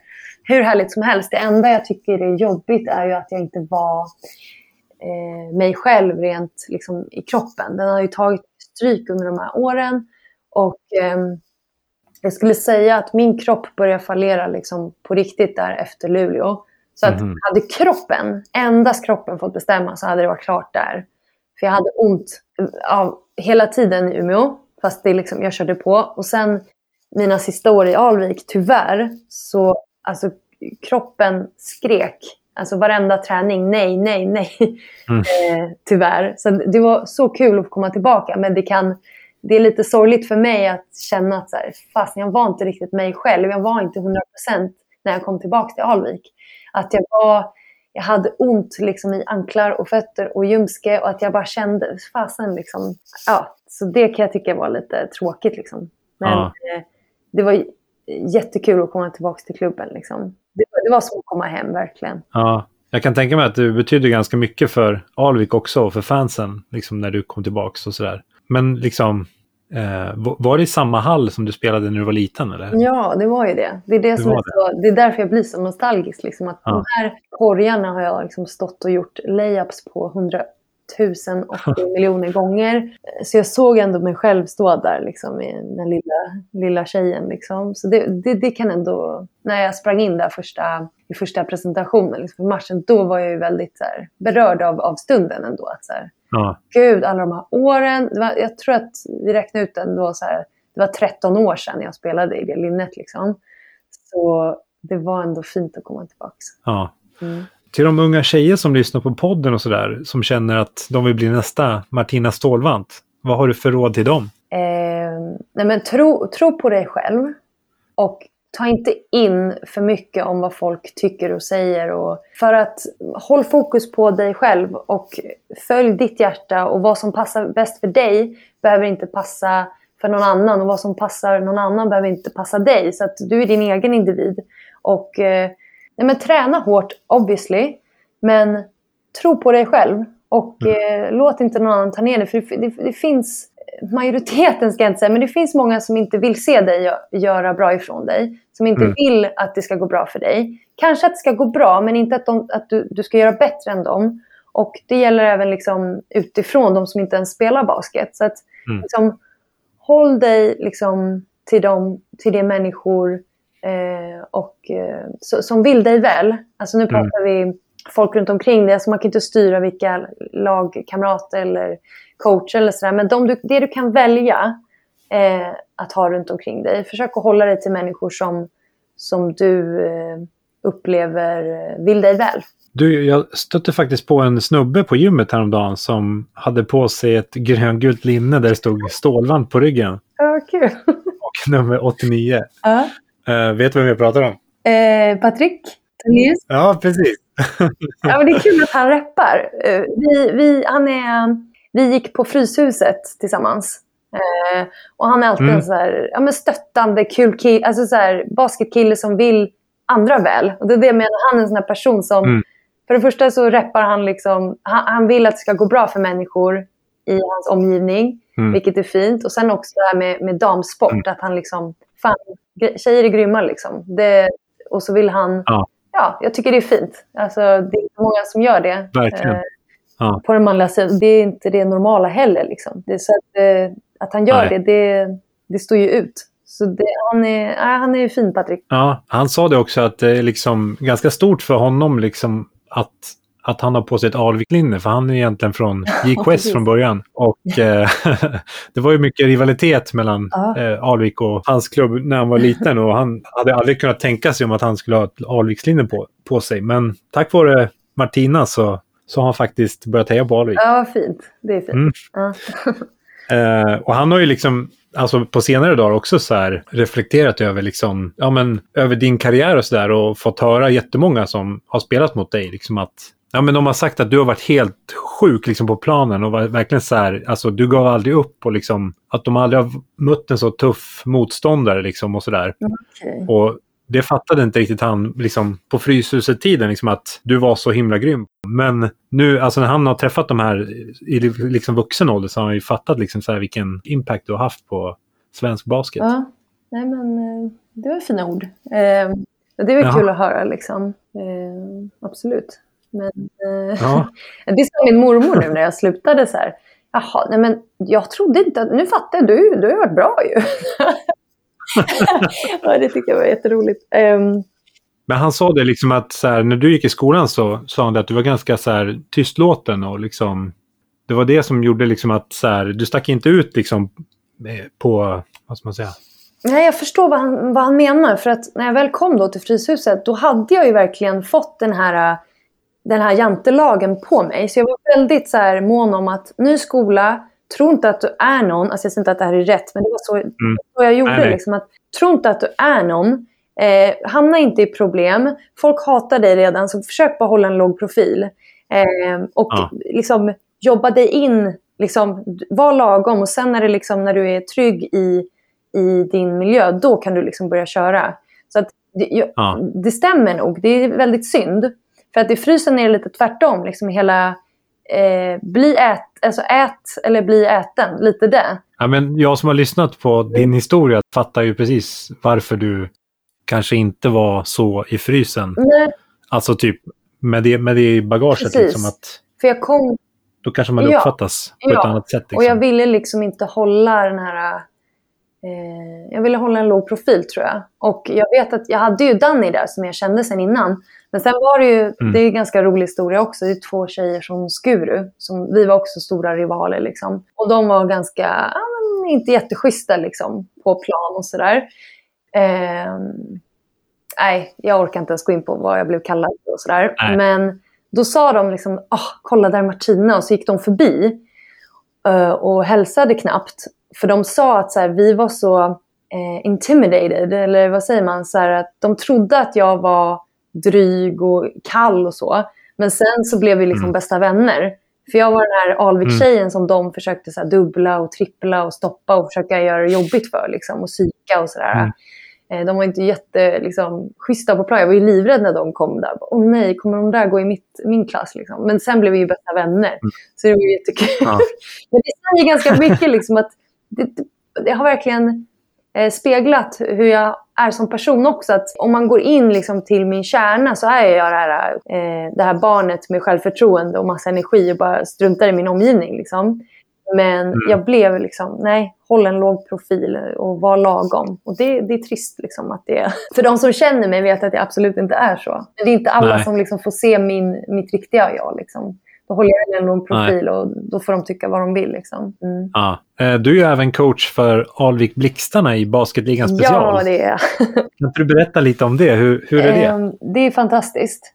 De har... eh, Jag, jag, jag fick testträna dem lite sådär, komma på besök när jag spelade och var aktiv. Och då, då fattade jag tycke för dem liksom direkt och kände att gud vad roligt att vara här. Eh, Ja. Sen så fick jag bli... Eh, nej, men när jag väl slutade spela nu så kände jag att ja, men, det här är självklarhet. Nu har jag tid att vara med dem en gång i veckan Mm. och åka iväg på resor och sådär. Sen kom ju corona för det här året. Men året Ja, innan så var det ju liksom som normalt. Och då är det, det är så mycket glädje och så är det så härligt. Jag vet inte hur jag ska... Det är så många... Det jag tycker är intressant är att samtliga spelare har ju funktionsvariationer. Eh, men alla har ju olika problematik. Så det kan ju vara liksom... Ja, men det är alla sorters eh, diagnoser. Så att man måste verkligen eh, anpassa sitt ledarskap för samtliga spelare på ett sätt att okej, Mm. han gillar inte kroppskontakt. Okej, han måste man förklara och samtidigt visa. Okej, Hon mm. måste peppas. Eh, henne måste man förklara kanske tre gånger till så att hon verkligen förstår. Då, då, får jag mm. verkligen vara alert och ha mina liksom, jag är väldigt ja. lyhörd. Liksom. Jag har ju tagit in beteenden hela mitt liv. Liksom. eh, ja. Men det är så himla fantastiskt att här, kunna få ihop det och att de, de bara älskar att få vara där och, vara och spela med varandra och ha kul. Liksom. Det, det är ja. basket, men det är liksom inte blodigt allvar. Och jag, jag trivs Nej. otroligt mycket med dem. De är helt fantastiska. Ja. Eh, din karriär på basketplanen är ju officiellt ett avslutat mm. kapitel. Mm. Så vad gör du nu om dagarna? Nu så, jag studerar eh, beteendevetenskapliga programmet eh, ah. i Västerås. Oh, bästa stan. Mm. Men det, för jag har kollat innan att de hade bara föreläsningar kanske, och seminarier tre gånger i veckan. Så jag kände att jag kan ju bara eh, brumma dit och det är, inte så, det är en timme drygt. Mm. Så att jag tänkte att det är ingen fara. Eh, och jag ville så gärna plugga. Den utbildningen är verkligen ämnad för mig. Så jag, bara, jag, jag struntar i om jag kommer in i Uppsala eller Västerås. Jag tar mig dit. Ja. Men nu i corona så har det ju varit distans. Nyttigt ska jag säga, så att man slipper bli smittad och all, all den här risken. Men också tråkigt att man säger okej, okay, nu, nu har jag fått lite så här eh, kursare som jag ska bekanta med. Eh, så att det är tråkigt på det sättet, men jag slipper åka fram och tillbaka i alla fall. Ja, det är skönt. En tråkig fråga kanske, men skorna, har du lagt dem på hyllan nu eller? Alltså min kropp skriker ja till dig just nu. Ja. Så att, eh, ja, jag får säga ja. Sen, sen, vet man aldrig, man kan göra comebacks, men jag tror att för att kunna gå vidare i livet så måste man våga stänga en, en dörr. Ja. Som är så otroligt trygg för en också. Alltså, det här har varit min identitet och det jag har gjort i 20 år. Så det är jättesvårt. Alltså, jag vill ju inte säga hej då till basket. Ja. För det är den, jag är Basket-Martina. Mm. Men jag är också så mycket mer och jag, jag, har så mycket mer jag vill utforska och göra. Så jag tror att jag måste göra mm. det. Så jag men jag, så jag måste säga att ja, det, det, det är dags. Mm. När du ser tillbaka på din karriär, då, finns det något som du ångrar eller känner att du kunde ha gjort annorlunda? Jag tror ju stenhårt på att allt man går igenom är menat. Ja. Jag tror att det var exakt så som det behövde vara för att jag skulle behöva utvecklas mm. på rätt sätt. Och det kanske är ett flummigt svar för många. Men jag tror inte på att ångra saker. Alltså jag kan, självklart så eh, ångrar jag att jag... Eh, jag kan säga att jag, så här, varför åkte jag inte hem? Ja. När jag mådde så dåligt och blev behandlad på ett eh, dåligt sätt. Alltså jag har ju gått igenom några få saker, mm. men jag kan ju inte berätta allt som har hänt. Det, det, nej, nej. det skulle ta, det är en hel liksom, story. Men, så jag kan ju ångra så här, men varför åkte du inte hem? Men jag tar istället det på att, nej, ångra inget. Du har lärt dig så otroligt mycket om dig själv mm. och andra och hur du vill att det ska vara. Allt, alltså be, mänskligt beteende. Mm. Hallå! Jag har varit med om många speciella människor liksom, mm. där ute. Så att, eh, nej, jag ångrar ingenting. Sen kan det ju också vara så här, du hade kanske kunnat spela längre om du inte tillägnade varenda sommar med landslaget. Mm. Och jag, alltså jag är glad att jag har fått representera Sverige. Men också sådär, när fick du återhämta dig? Och min kropp är ju liksom, mina leder är ju 80. Ja men jag är 30 eh, plus. Och det, det, är det som jag känner att så här, det är många, jag ser många spelare i ligan som, som kan spela längre. För de, okej, okay, en träning om dagen och så är de liksom i form, mm. men inte slitna på samma sätt. Nej. Och det kan bli, shit, hur länge hade jag kunnat spela om jag liksom fick återhämta mig, kanske träna en liksom reasonable mängd. Ja. Alltså att jag tror att min träningsmängd gör mig så mycket mer sliten och äldre än vad jag egentligen är. Ja. min kronologiska ålder är liksom... Ja. ja så det kan jag liksom tycka, shit, du, du slet verkligen ut på kroppen. Mm. Och vem tackar dig för det? jag vet inte, men alla de här timmarna som liksom, ja, när man kanske hade behövt återhämta sig och vila liksom. Mm med, ja, i Spanien, liksom, sex timmar. Alltså att mm. lyssna på kroppen och liksom, ja. Så att, eh, men jag ångrar ingenting mer så, Nej. faktiskt.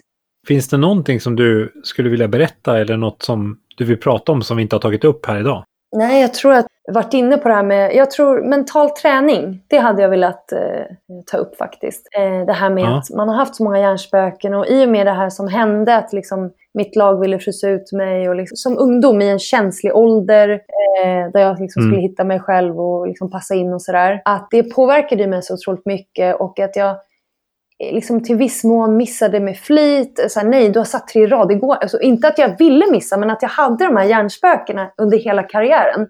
Och att jag, liksom, jag mm. tränade skitbra, till exempel i, i Rushdenberg. Sen när matcherna kom, då kunde jag liksom, men gud varför missar du? Du, du har liksom satt varenda skott. Allt satte sig i huvudet. Så jag hade gärna tagit upp mental träning Eh, och det tror jag att alla behöver. Vare sig du är Ja. eh, on point eller inte, eller upplever att du har problem eh, mentalt eller inte. Så jag tror att det är superviktigt. Det hade jag velat göra. ja. Mm. Alltså typ att alla klubbar skulle satsa mer på det liksom. i största allmänhet. Eller att spelare själv. Ja, absolut att, att eh, landslag och, och förbund, att det hade varit en grej. För jag tror att det finns så mycket Mm. som skulle kunna ja, men, bli bättre av mental träning. Om man lärde sig hur, hur hjärnan kan spela en spratt och sådär. När man bara får, lira och spela.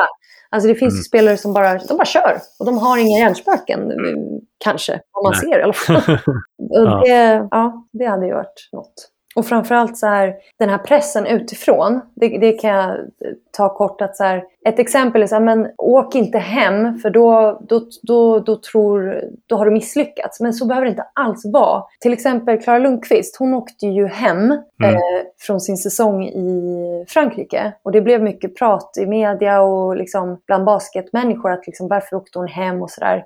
Men Ja. jag, jag skrev till henne ganska snabbt att fan vad, vad modig du är som vågar åka hem och som vågar följa ditt hjärta. För att hon är så pass bra, Klara, att alla förväntar sig att hon ska gå en viss väg.